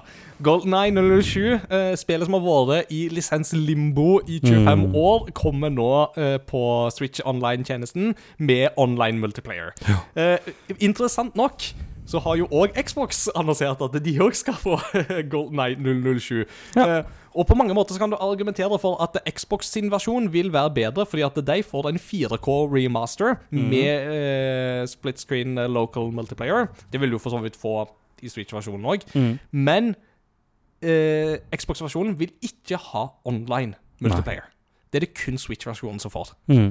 Så her eh, må du velge. Vil du spille sammen med vennene dine der du sitter rundt omkring, eller vil du spille en versjon som ser litt nyere og crispere ut? It's up to you. Altså, dem som har et forhold til det her, de satt jo sammen i heimen. Ja, de gjorde jo det. Så Jeg vil jo nesten tro at det er det Xbox har tenkt. Ja. At nå, altså, de, nå skal vi ta dem tilbake Mm. til barndommen. Nå skal vi ta dem tilbake til sånn som det var når du reiste hjem til nabo, nabogutten for Mm. å spille. Ja. Det blir jo veldig interessant, da. Altså, dette er jo Altså, Golden Eye 007, det, det må jo sies, det var ikonisk, og det Mm. var et ekstremt viktig spill da det kom ut. Altså, FPS-sjangeren, sånn som vi kjenner den i dag, på konsoll, hadde ikke vært den samme. Eh, altså, Golden Eye 007 bana vei for Halo. Ja. Så enkelt er det. Men det er et spill som er veldig røft og vanskelig å gå tilbake til. Det, er, vi spilte vel, vi Ja. to, for et par år siden. Ja. Det er, Det gøy, men det det er artig, men kjære vene, det, er jo, det blir jo så vanskelig. Og så blir det jo litt sånn spennende, da. Når du, altså, når du spiller Xbox-versjonen, så er jeg litt spent på Gjør de noe med Oddjob. Ja, for det er det, da. Ja. Og så fikk vi et av spillene med kanskje et av de merkeligste navnene i eh, konferansen. Various Daily, Various Daily Life, som er et sidescrolling JRPG som tidligere har vært på mobil i Japan, og som ble lansert internasjonalt samme dag som direct- direct-sendinga. Eh, det var ikke så lett å få tak på hva spillet handler om, men du var på en øy og skulle utforske ting. Eh, det er fra flere utviklere som har jobba med både Bravely Default og Octopath, eh, Octopath Traveler tidligere, så det kan jo være interessant for sånne som meg. Ja. Men det er også, og det er da ute på PC og PlayStation 4. Mm. Factorio, et spill som har blitt nevnt her, men det er ikke det vi har snakka mest om. Men det er jo et veldig kjent og populært spill, særlig blant de som har eh, liksom et varmt og nært forhold til det. Kommer til Switch 28. oktober. Det kan jo bli litt røft for det spillet å slå igjennom, for 28. oktober så kommer jo Call of Duty Modern Warfare 2 og Bayonetta 3, så Det er liksom det, da. Ja. Det er et kinkig tidspunkt. Mm, ikke sant. Og så tredje Farming Sim. uh, Rune Factory 3 Special, som er en remaster som kommer i 2023. Uh, samtidig så annonserte de at de jobber med et framtidig nytt Rune Factory-spill, men de ville ikke si mer hva det var. Og Rune Factory er basically um, Harvest Moon eller Story of Seasons i en fantasy-verden, der du går og kjemper litt mot monstre på si. Ja. IB, eh, et spill om et guffent kunstmuseum, eh, og kommer våren 2023. Mhm. Og så kom det litt nyheter om litt diverse oppdateringer. Eh, Mario Strikers får gratis oppdatering med Pauline og Diddy Kong som nye spillere, pluss iallfall én ny bane. Dette er en gratis oppdatering som kommer til dette fotballspillet. Og Mario Kart Deluxe, eh, 8 Deluxe får tredje bølge av nye baner til jul, holiday season. Eh, og de bekrefta to av banene, Merry Mountain fra Mario Kart Tour og Peach Gardens fra Nintendo DS. Eh, og så uh, Nintendo Switch Sports sin golfutvidelse, som vi jo venter på i spenning når vi skal kåre Gugut i -hmm. uh, Golf Game of the Year. Eh, vil inkludere 21 hull fra Wii Sports-spillene, men den blir litt forsinka. Eh, til gjengjeld så kunne de òg skimte med en modus som kalles survival, der alle spiller golf samtidig på samme Mm. hullet. Det virka, altså, det virka artig og stressende.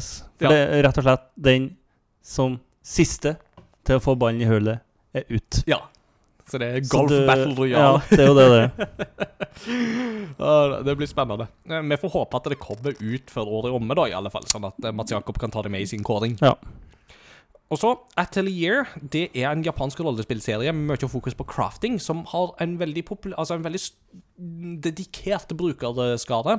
Og Atelier-serien den har blitt gitt ut i det vide og det breie på ganske mange forskjellige konsoller. Og jeg har et tjuetalls spill minst.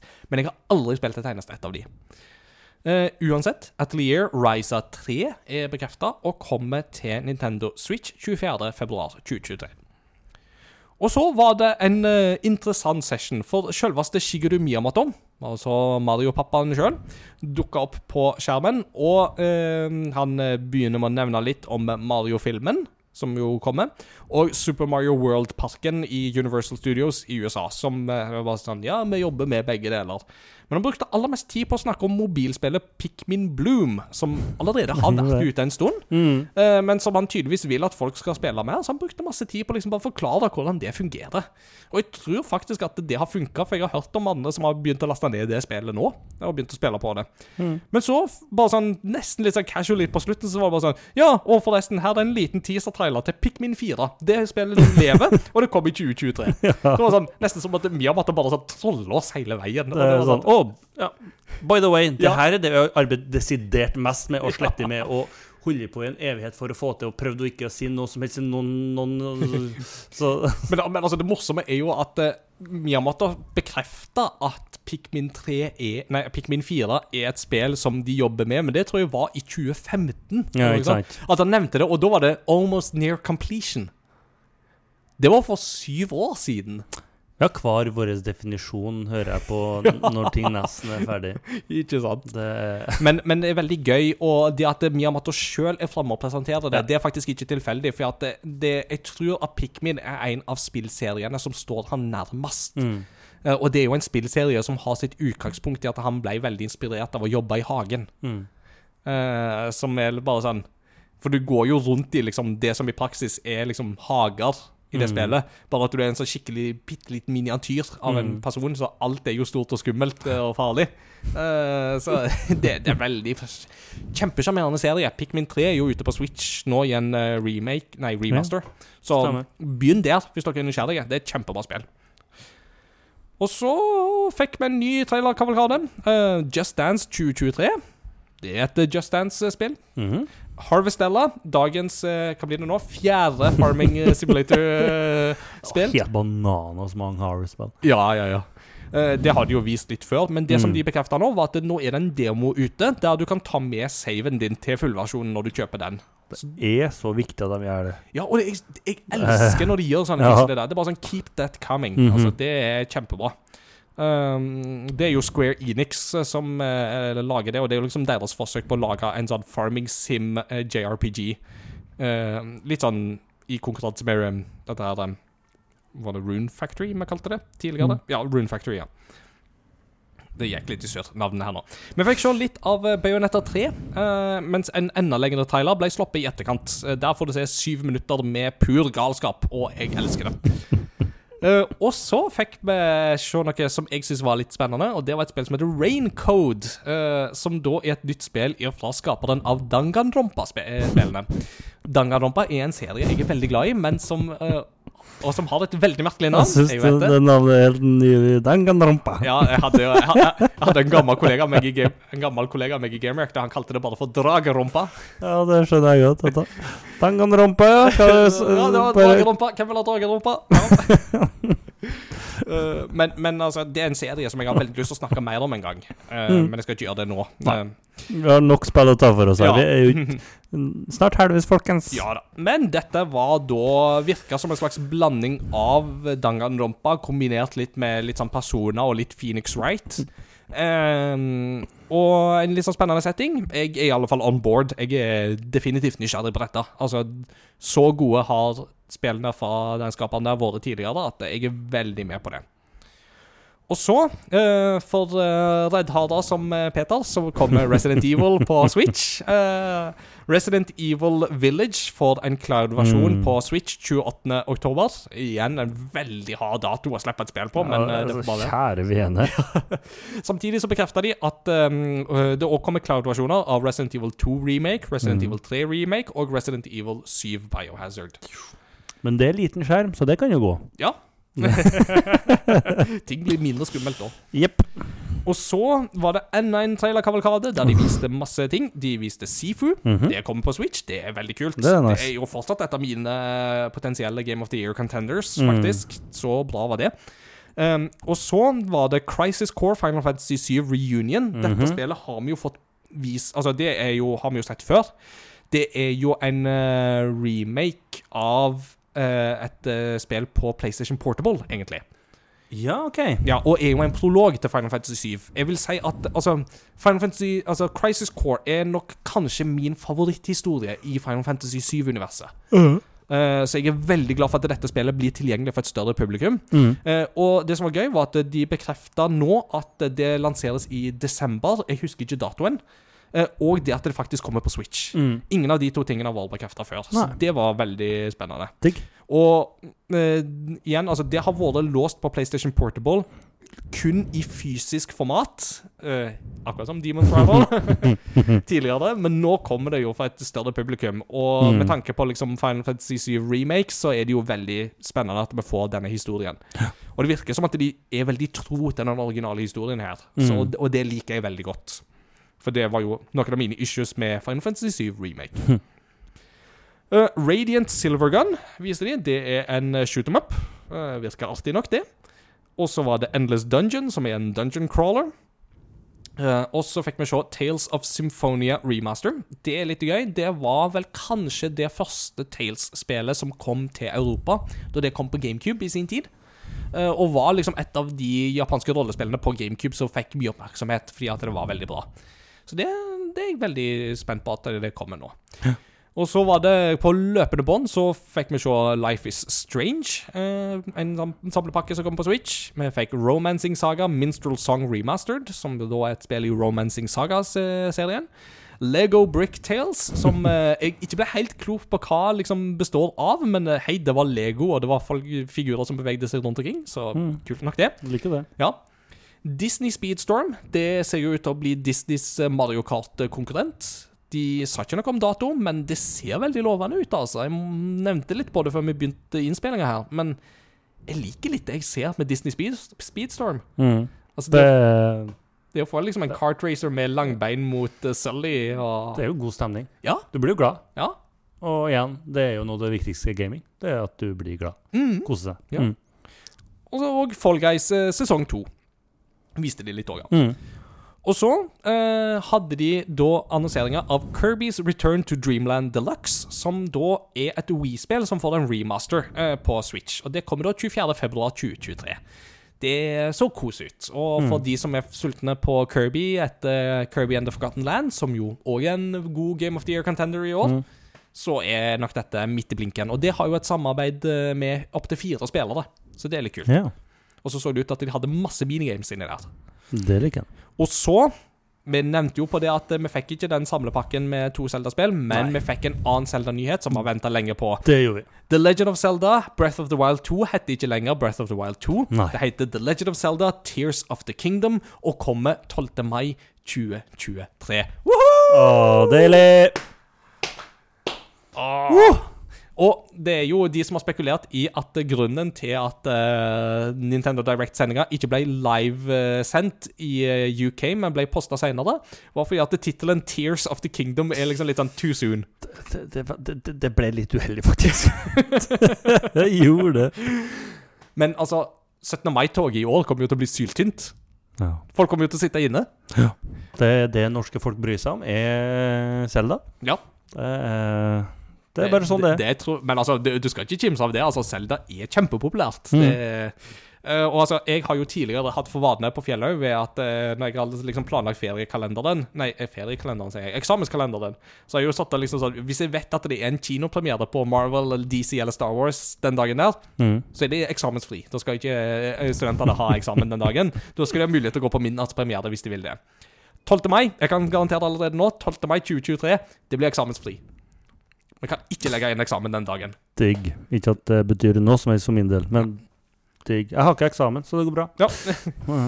Det kan godt hende at det er en fredag, og egentlig så hadde det vært en fin dag å ha eksamen på, men vet du hva? Nei, det går ikke. Så sånn er det. Du kan ikke bare sitte fremst da og spille Nintendo Switch mens elevene i Øh, det, det er så farlig å gi ut et sånt spill som det der midt i eksamenssesongen. Det, og Det er direkte dårlig gjort. Det skulle Nintendo ha tenkt på. Jeg må bare satse på at jeg får privilegiet av å anmelde det for Game Reactor, og få det sånn tre uker før. Uh, sånn at jeg kan bli ferdig med det før eksamenssesongen. Yes. Så kan jeg heller ta ferie rett før og liksom konsentrere meg om det. Så kan jeg låne det når du er ferdig med det. Yay! Yay! Nei, uansett, det Men altså, det vi så på Thailand, det ser så skarpt ut. Ja, det er det. Det er så Veldig deilig farger, og det glei Ja, det glei så godt. Så og det, altså, kantene så liksom Altså, anti-aliasingen her så skikkelig crisp og fin ut, og lyssettinga var åh. Nei, her, her, altså, Nintendo de, Det er en grunn til at dette spillet har tatt tid. mm. Men det kommer til å være så sjukt verdt det. Det er jeg fullstendig overbevist om. Men det samme vel om Cyberpunk 2020 òg, så man må være forsiktige. Ja.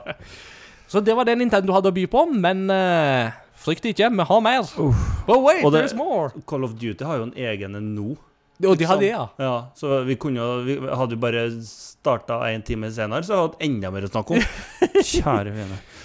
Call of Duty Modern Warfare 2 kommer 28. oktober 2022. Det har vi allerede bekreftet. Jo, jo, men de har en egen livestream nå. Om Next 2022 heter det. Hva er det neste som kommer? Ja, ja, ja. Så det er jo så sykt mye som kommer for tida. Ja.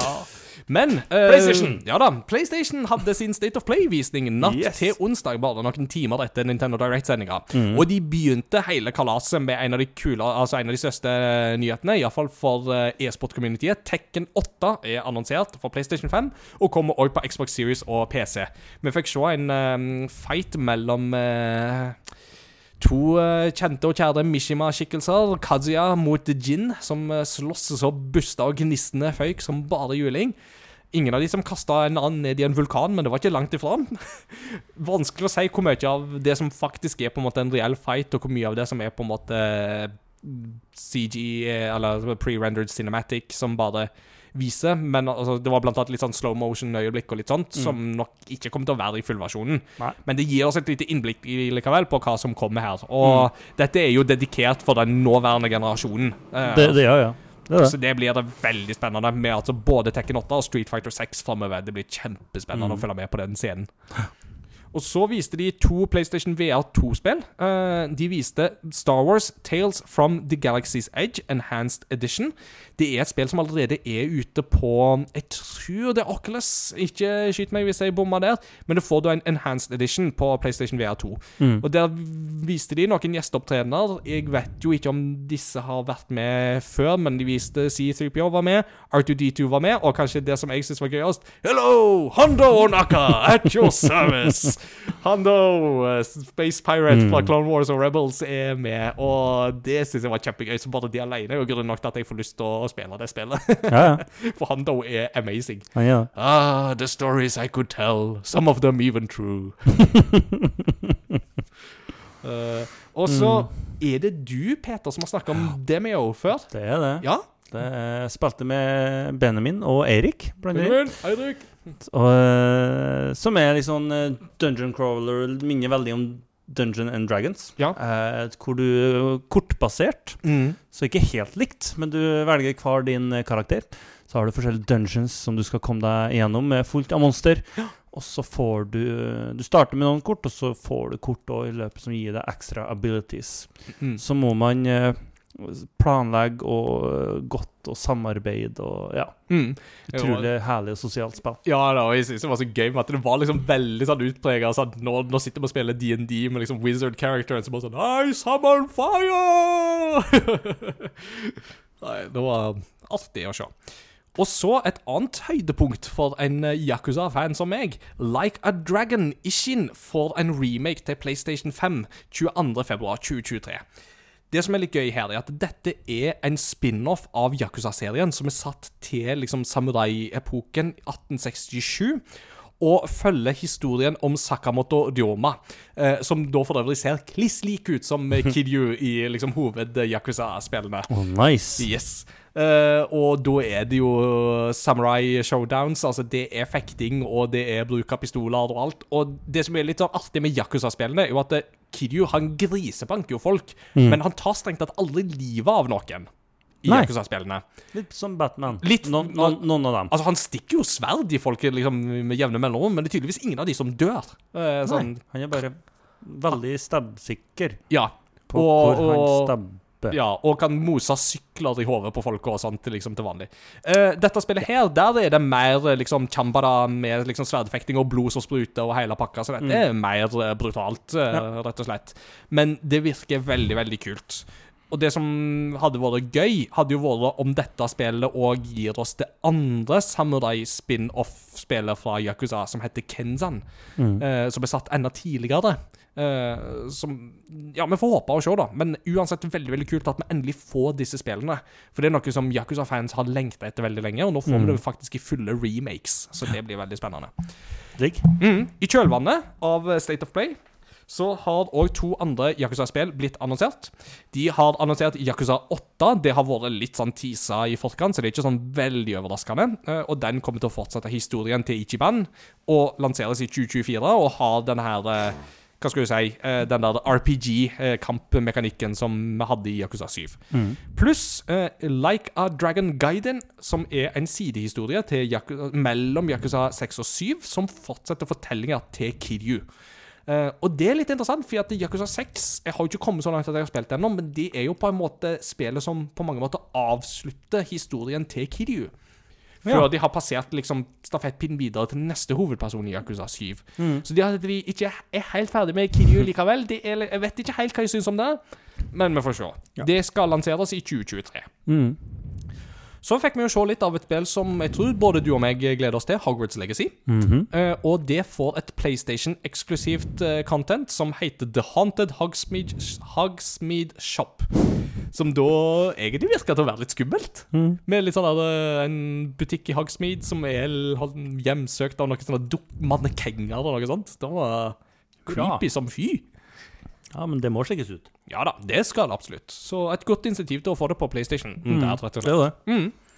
Og så var det et spill som heter Pacific Drive, eh, som basically virka som en roadtrip simulator inn i en paranormal sone. Altså tenk eh, filmen Stalker, eh, bare med den amerikanske nordvestkysten der du kjører bil, og det er masse paranormale ting som skjer. Ja. Det var ikke så lett å bli klok på det, men ja. Og så hadde de en liten prat om PlayStation Stars, som er det kommende lojalitetsprogrammet på PlayStation, som skal gi deg litt sånne digitale collectibles og sånt. Dette vil lanseres i Asia i september, mens Amerika og Europa følger etter noen uker senere. Og så viste de Sin Duality, et japansk mekkaspill om der du tydeligvis samler krystaller og kjemper mot monstre mens du er i en sånn stor mekkarobot. Kom i 2023. Ja. Og så er det et spill som har blitt vist tidligere, som heter Project Eve, som eh, kommer fra et koreansk studio. ja. Som Oi. eh, er litt spennende, for det er ikke ofte vi ser. Nei. Eh, det har nå fått navnet Stellar Blade. Eh, det har et gameplay som kan minne veldig om Near Automata. Mm. Og det kommer i 2023, og er konsolleksklusivt til PlayStation 5. Ja. Jeg innrømmer, det ser veldig kult ut. Mm. Jeg liker den grafiske stilen. Jeg liker settinga, og jeg liker det der med at vi får stemmeskuespill på, på koreansk og sånt. Jeg syns jo det er veldig spennende. Men jeg vet ikke helt om jeg liker character designet her. Nei. For de kvinnelige rollefigurene, de er veldig porselensdokker. Det, det, ja. Det er jo et sånn koreansk skjønnhetsideal, og jeg skal være veldig forsiktig med å kritisere det sånn som liksom at det er et objektivt eh, onde og alle sånne ting som det der. Men det, jeg klarer ikke helt å bli komfortabel med hvordan det ser ut til tider, altså i aksjon. Så, Mm. Men de ser Skjønner, hva, skjønner hva du mener. Mhm, men det ser samtidig veldig kult ut. Mm. Så ja, jeg må, jeg må nok gi deg en sjanse når det kommer. Det kommer i 2023, altså. Mm. Og så er det Team Ninja, eh, studio som blant annet har gitt oss Neo-spillene, som jo har vært eh, gode sånne Soulsborne-kloner. Eller The Soulsborne-aktige spill. De annonserte et spill som virka veldig veldig kult. Rise of the Ronin. Et spill satt til 1863, i perioden der Japan har blitt eh, åpna etter at amerikanerne seilte inn med sine svarte skip, og tvang basically Japan til å åpne opp for omverdenen. Yeah. Dette er jo en epoke i Japan som er full av omveltninger og kaos. Eh, Noen omfavner alt det nye, noen tviholder på det gamle, noen eh, tar en miks, alt etter hva som kan gi de penger i kassa. Og, ja. Og i dette her så skal du da spille en ronin, altså en herreløs samurai. Ja. Uh, I noe som virker som et open world uh, action RPG med litt sånn eh, tøffe kampsekvenser. Er det nok en utfordrer til Assassin's Creed, eh, Ja, kanskje? Ja, altså, det er jo sånn altså, Dette her da kan sette litt sånn standarden for Codename Hex. eh, Mhm. Skjønt her er du nok mer en samurai mer enn du er en eh, ninja. Ja. Men altså, Ghost of Tsushima var jo òg en samurai i utgangspunktet, Mhm, men ja, ja. som jo ikke er redd for å ta i bruk litt ninjateknikker etter hvert. Ja. Det blir konsolleksklusivt, det òg, til PlayStation 5, og kommer i 2024.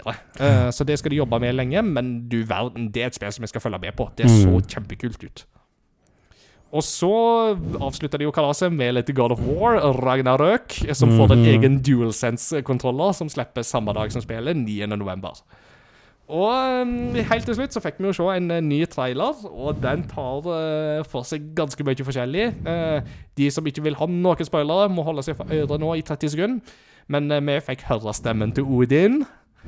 Det var kult, det, altså. Og ikke minst så fikk vi se et glimt av kamp mot Thor. Mm -hmm. og liksom traileren avslutter med øksa til Kratos som liksom masher mot Mjølnir. Og du bare ser det gnistrer og det spruter, og det er Åh. Det må bli bra. De får ikke lov til å ikke bli Det får ikke lov til å ikke bli bra.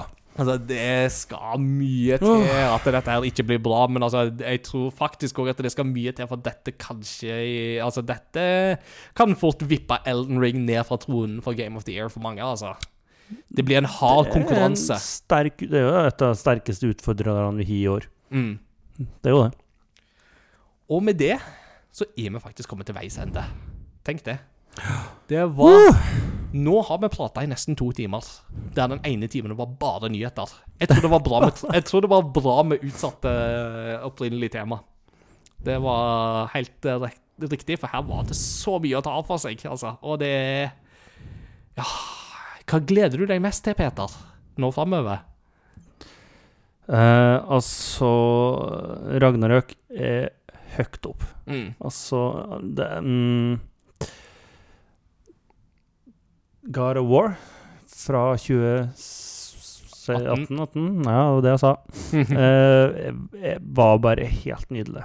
Uh, et spill som absolutt må oppleves.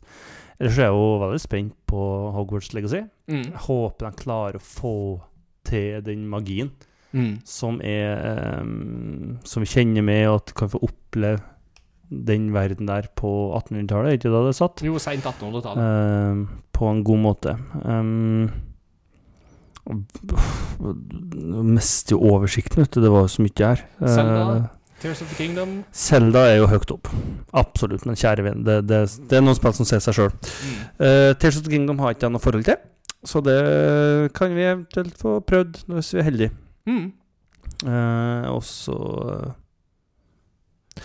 Ja, nå, nå går hodet mitt rundt. Men Assassin's Creed det- står jo høyt for deg, det er jo ingen tvil om. men det er Det, det er òg neste år. Ja. Så det er God of War er det som er fremst på, på skjemaet nå. Mm. Så det, og det gleder jeg meg vanvittig til, og det tror jeg Jeg er nesten helt sikker på at det blir bra. Mm. Og det er litt deilig. Det syns jeg er en eh, god oppsummering av det vi har fått servert. Så jeg eh, må si det er mye her jeg gleder meg masse til. Men eh, en av de tingene som vi bare har fått en smakebit på, men som jeg kanskje gleder meg veldig, veldig mye til, det er det Captain America Black Panther-spillet til Amy Hennig. Det er interessant. Det er kjempeinteressant. Det Åh! Mm. Så det, altså det, jeg sier det igjen, som vi sa, sa på starten av 2022. Det er kjekt å være gamer, og det er kjekt å være nerd for tida. It's good to Det, be a gamer. ja, det er så mye snacks. Ja. Og det er liksom det var, Vi snakka om et 2022 tidenes spillår, men det slutter jo ikke heller. Nei, og- 2023 blir jo bananas, det òg. Ja, og det er jo så interessant, for det er jo veldig mange ting som jo vi i utgangspunktet gleder oss til i Mm. 2022, som har blitt pusha til 2023. Ja. Og det er jo for så vidt greit nok, for da er vi jo Ja, ja, OK, så da blir 2023 kanskje desto bedre, liksom. Men jammen så har det jo kommet andre spill inn i 2022 som har likevel tatt på en måte mye av oppmerksomheten og virkelig på en måte gjort det Gjort det til et lovende år likevel, altså. Så Mm. selv om det kanskje på en måte Altså, Ved inngangen til 2022 så lå jo potensialet an til liksom tidenes spillår. Så nå er vi kanskje litt usikre på liksom, om det liksom blir tilfellet, men det blir iallfall et veldig bra spillår. Det er det ingen tvil om. Mm. Nei, det er banalt mye som Mm. er på eh, som, er, som vi får. Ja. Så det, pengeboka skal få kjørt seg nok en gang. Mm, bare begynne å spare, folkens. Ja. I disse inflasjonstider. Ja, ja, ja. Men uh, spillutviklere de må leve og tjene til livets opphold, de òg. Og, da. og lager de kvalitetsunderholdning, så syns jeg de skal få de pengene. Mm. Absolutt. Vi er kommet til veis ende, Peter, og i dag så er det du som skal få lov å dele et postludium med oss. Og mm. hva har du lyst til å dele med oss i dag? Da skal vi til Far Cry 5. Vi skal til Far Cry 5. Å, Yes. Det er spennende. Det, som sagt, det har vi tatt opp nå med elevene. Det er jo noe Det, det passer jo veldig Det skaper gode og interessante samtaler, det å ha et spill hvor du eh, kjemper mot kristen ekstremistgruppe i USA. Mm. Når du er på en kristen bibelskole. Mm. Så det har vi tatt opp nå. Ja. Og um, det er én ting jeg, blir- jeg kommer alltid tilbake til det. Når jeg kommer tilbake til spillet, så blir jeg alltid så Jeg ble, ble, ble sånn Åh, det her var deilig.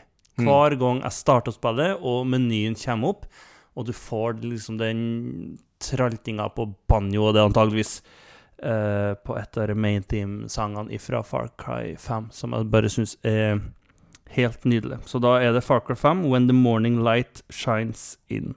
Ja. Så det er jo et nydelig navn òg, på en sang.